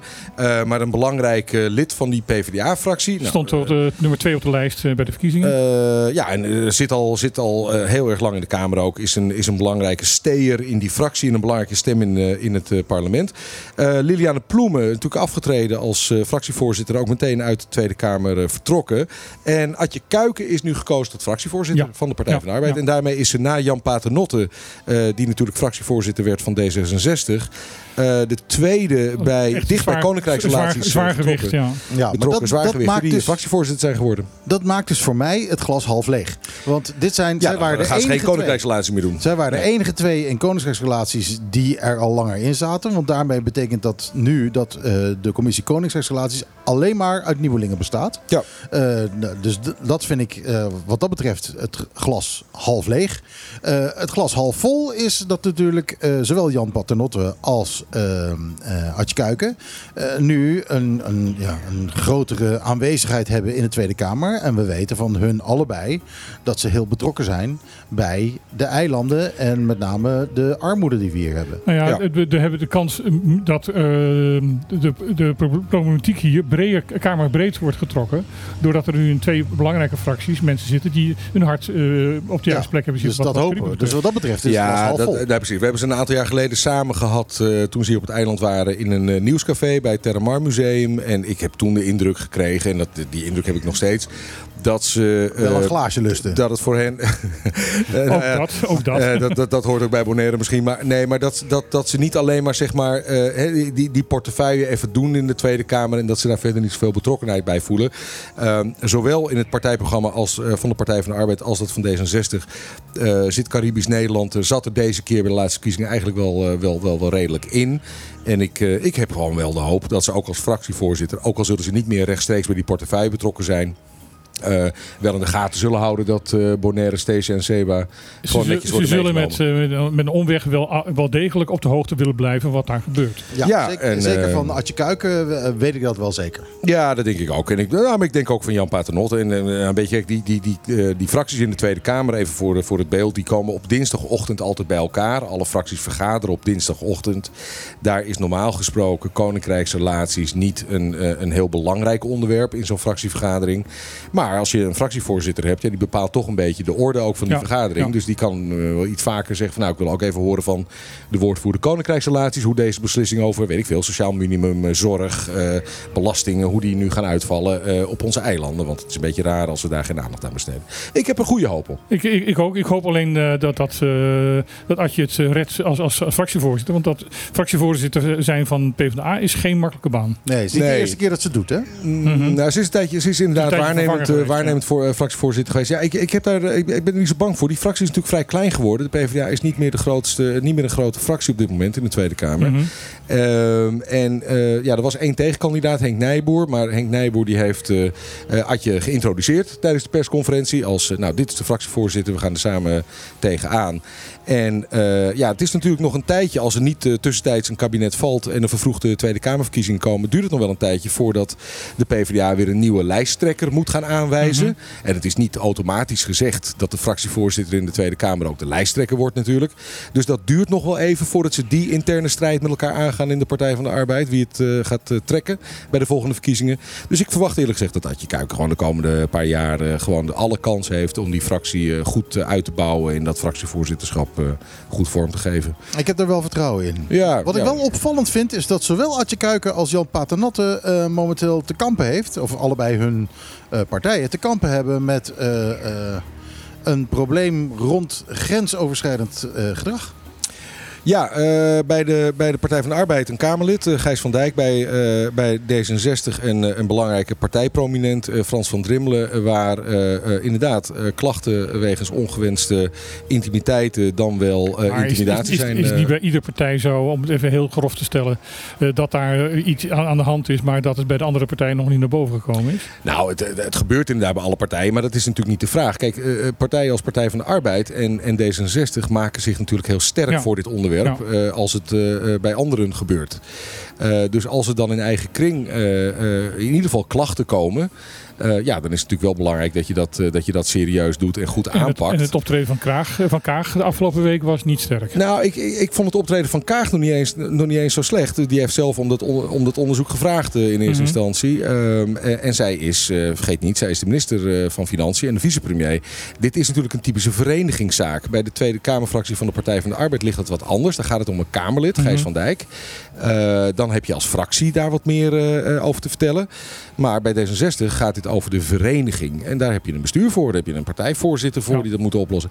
Maar ja, je wordt er als partijleider natuurlijk wel op aangekeken. Tuurlijk, dat is eh, tuurlijk. natuurlijk En dat is ook de logisch. situatie. En dat, dat is niet onlogisch. Maar het is natuurlijk voor D66 en de PvdA... eh, en in het recente verleden had GroenLinks er ook mee te maken. Hè, zoals, eh, zoals jullie nog herinneren. Dat zijn natuurlijk partijen die het vingertje nogal snel in de lucht hebben. Als het gaat over eh, hoe eh, mensen zich tot elkaar dienen te verhouden. Eh, ja, dus dan, word je is- al kritischer benaderd. En dan is Eh, het leedvermaak natuurlijk vrij snel. ja, en, en als je het dan niet... Kijk, ik denk dat iedereen begrijpt dat het in, in de beste families kan voorkomen, zou ik maar zeggen. Alleen, eh, dan is de vervolgvraag, en daar zie je ook de kritiek, vind ik ook terecht op komen. Hoe ga je er dan vervolgens mee om? Ja. Met, met als het gebeurt. Niemand is heiliger dan een ander. Maar als het dan bij jou gebeurt, hoe ga je er dan mee om? En Mhm. voldoet dat aan de maatstaven die je wel aan anderen oplegt? Ja. Eh, dat is een beetje de discussie. Maar goed, ja, ik, ik heb eerlijk gezegd het idee dat het over een half jaar iedereen het weer vergeten is. Dus eh, ik denk niet dat nog Jan Paternotte, nog Adje Kuiken daar de komende jaren eh, eh, door zullen worden belast in hun fractievoorzitterschap. We hebben nog vijf minuten, dus eh, welk onderwerp willen we nog meer be- behandelen? Eh 4 en 5 mei. ehm, eh, en waarom? Ehm, ehm, ehm, 4 en 5 mei eh, komen eraan. Dat is natuurlijk de nationale dodenherdenking 4, vij- 4 mei en bevrijdingsdag 5 mei. Eh, waarom wou ik daar heel even aandacht voor vragen? Eh, ehm, Edison Reina heeft het jaarlijkse geschenkboek van het comité 4 en 5 mei in eh, Mhm. ontvangst genomen. Officieel eh, vorige week. Wij- Wij ook Maar- al hoor, vorige maand. Vorige maand al? Ja. Ja. Oh, oh, nou, kijk aan. Dat is, eh, Dat is een, hier, eh, een beetje ja, nee, wat hier een groot onderwerp geweest. Oh, nou, oh, nou dan, dan, dan doe ik het even heel kort. Ik vind, ik vind het namelijk altijd een interessant onderwerp. Omdat het voor Bonaire eh, natuurlijk een heel andere lading heeft. Een heel andere ehm, betekenis heeft eh, dan eh, voor Europees Nederland, dan voor het voormalig Nederlands-Indië, dan voor eh, Suriname. Dus ik, ik, ik, ik ben er zelf bij betrokken op 4 en 5 mei. Ik ga, ga wat dingen aan elkaar praten op die twee dagen. En ik ben, ik ben heel erg aan het zoeken naar op, welke manier hou je het nou relevant, ook voor Bonaire. Dat, dat vind ik niet altijd even makkelijk. Nou, wij hebben de oorlog gewonnen. nou, Bonaire heeft, heeft, is natuurlijk was de enige bevrijde. Hè, de, de en de Caribische eilanden. APC-eilanden hebben de oorlog gewonnen. De, eh, Eh, ja. 80% Ja. van de brandstof van de geallieerden wereldwijd eh, is op eh, Aruba en Curaçao geraffineerd. Ja, nee, klopt. En eh, Suriname en, eh, dus de nog. Caribische eilanden waren niet, zijn nooit bezet geweest. Dus die zijn altijd vrij gebleven. En, en sterker nog, er zijn op Curaçao en Aruba mensen eh, door mil- milieu- en luchtvervuiling overleden. waarmee Europa is, is, eh, is, is bevrijd. Ja, en er zijn, eh, er zijn eh, eh, een stel Chinese havenarbeiders standsrecht, eh, standrechtelijk geëxecuteerd Mhm. op Curaçao door het gezag op dat moment. Dus er zijn hier natuurlijk best wel dingen gebeurd. Op Bonaire hebben 450, 460 eh, mensen geïnterneerd gezeten. Mhm. Mensen van Duitse afkomst, ook overigens Joodse Duitsers. die samen met NSB'ers in, in het Divi Hotel, wat nu Divi Hotel is, werden opgesloten. Dus natuurlijk, die eilanden hebben er natuurlijk mee te maken gehad. Maar ik vind het, ik, eh, ik, eh, het 4 mei eh, is natuurlijk ehm, heel erg snel wordt dat geassocieerd met de bezetting van Europees Nederland. En ook bevrijding, 5 mei, wordt heel erg snel geassocieerd met de bevrijding van Europees Nederland. En ik vind het toch belangrijk om, nu ik er zelf ook een beetje bij betrokken ben volgende maand, om een beetje te zoeken naar iets meer de relevantie voor echt Bonaire zelf. Eh, en er niet een. eh, Nou ja, kijk naar dat eh, monument dat hier vlakbij staat. Van, van, mensen die overleden zijn in de Tweede Wereldoorlog, die hier geboren zijn. Ja. ook in, die op, in dat opzicht zijn er ook gewoon slachtoffers gevallen. Zeker. En er zijn, van mensen die, die nog steeds hier bekend zijn. Ja, zeker. En George Maduro is dan Curaçao, maar Ja. Madurodam in Den Haag. Ja. Dus er liggen voldoende links. En dat, het is denk ik goed om, daar, om weer even bij iedereen in, in de aandacht te roepen dat het over twee weken zover is. Dat we eh, weer herdenken en bevrijding vieren. Nou, wat hebben we nog meer? Hebben we nog meer eh, spannende dingen? Zo. Nou, het is overal. Het is nog twee minuten, nog twee minuten. Leven op Bonaire in één jaar tijd 9,9% duurder, eh, Martijn. Ja, eh, niet, eh, niet te geloven. De, het was, eh, aan het eind van het vorig jaar was het nog 5,6 procent. En dus het eerste kwartaal van dit jaar is er zoveel ontzettend veel bijgekomen. Dat heeft alles te maken met het stoppen van de subsidie op de vastrechtkosten van water en elektriciteit. En met daarnaast de enorme sprong van, van kosten met, met brandstof.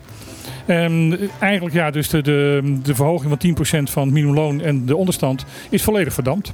Ja, ja dus die, eh, die, die, die kwam geen moment te vroeg. En eh, daar, daar komt nog bij dat we eh, alle nou snap- banken...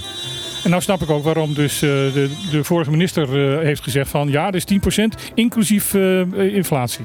Ja, precies. Dus eh, de, eh, mensen zagen het al aankomen. Ja, en we moeten zien wat het nog verder met de brandstofprijzen blijft doen. Dat blijft- eh, het nu, gaat verder. eh, ook de oorlog in Oekraïne natuurlijk doorgaat. En er komt nog bij dat onze bankpasjes allemaal eh, straks eh, Mastercard zijn in plaats van Maestro. Dus dat eh, ook winkeliers ongetwijfeld hun prijzen gaan verhogen hier. Want dat gaat moeten- 5% extra inflatie opleveren. Dus eh, en we betalen allemaal eh, bij de supermarkt met ons bankpasje, neem ik aan. Eh, dus ja, dat gaat allemaal ook weer extra centjes eh, kosten. En als je dan eh, leest van dat ehm, het vaststellen van sociaal minimum eigenlijk pas in- door Nederland gedaan wil worden als hier de, de, de, de, de kosten 30 tot 40 procent lager zijn. Dat ja, was, dat ja, was dat in het gingen vorige- ze regelen. Hè? Dat, gingen ze, dat, Dat was in het vorige kabinet. Ik, ik, ik heb de indruk dat eh, Van Huffelen dus wat anders wil. Die, eh, die heeft al gezegd van ik wil, ik wil eh, dat echt op, op, op, te- op vrij korte termijn eh, de, de, de zorg en, de, en, de, en de, en de- de voorzieningen hier gelijk getrokken worden met, met Nederland. Ja.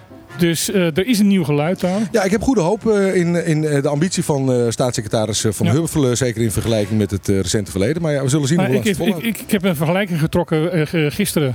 Vond ik leuk als, als laatste item van het, het lokale nieuws. Om eens een keer even een opinie te geven. Is dat eh, nu we merken dat Bonaire en, eh, en de andere twee eilanden steeds bekender worden in Nederland. Onder andere ook door films die hier worden opgenomen. En dus ook in Nederland wat dat betreft in, in de bioscoop bekend is.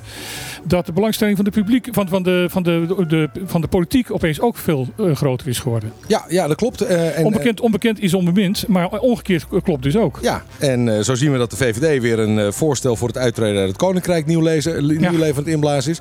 Maar is dat weer, want ik heb het even gemist, maar is dat dan weer het idee Hetzelfde, dat... hetzelfde dat Europees Nederland uit het Koninkrijk stapt? Nee, nee, nee. nee. Want dat is natuurlijk onzin. Het is het idee van Bosman. Ja. eh, om eh, het makkelijker te maken dat, eh, dat er geen, geen referentie hoeft gehouden te worden. En in feite één telefoontje naar Den Haag genoeg is om uit het Koninkrijk te stappen. Nou, dat lijkt me heel goed, want ondertussen gaan we natuurlijk, maar daar gaan we de volgende, een van de volgende uitzendingen ongetwijfeld over hebben. de wet openbaar lichamen BES. Hè, eigenlijk onze, nou niet onze grondwet, maar wel onze organiserende wet. Het feit dat we Bonaire zijn en de status hebben die we hebben. Daar wil Den Haag het een en ander in gaan veranderen. Eh, dus ik ga ervan uit dat ook van de zijde van de Bonaireaanse politiek daar wat wensen over op tafel gaan komen. Dus dit, dit is een aanzwerrende eh, discussie. Deze discussie zit maar in is, crescendo. is in, in ieder geval er is discussie. Ja, nou, maar, dat, maar die. En dit is nog maar het begin ervan. Ik, ik, ik verwacht het komend jaar eh, hier het een en ander over. Ja, en dan hebben we nog één ding eh, om te melden vandaag. Eh, vandaag is het eh, RSD, het is Record Store Day. Eh, wel even iets heel anders. Eh, en, eh, met name in Engeland, maar ook andere plekken in de wereld. alle platenzaken vieren het vinyl. En vandaag is uitgekomen voor het eerst op een fysiek medium. de Purple Disco remix van Don't You Want Me van de Human League. En daar gaan we zo meteen mee eruit. Maar eerst moeten we even zeggen van jongens, dit was het. op de klippen. Eh, voor vandaag. Eh, we hebben bijna alleen maar gasten gehad. Vrij weinig eh, echt nieuws kunnen we spreken. Maar eh, geef niet, volgende week halen we dat weer in met heel veel nieuws. Eh, we zijn er weer van 12 tot 2. Straks na twee uur hoor je Ron Gijzen met de grootste hits van Bonaire. Het is al twee, na twee uur. Ja, oh ja. Nou ja, straks zometeen na de reclame. Eh, wij gaan er nu uit eh, met dat dingetje van de Human League. Eh, en verder zeg ik graag namens ons allen en met ons allen... Ajootje cadeautje.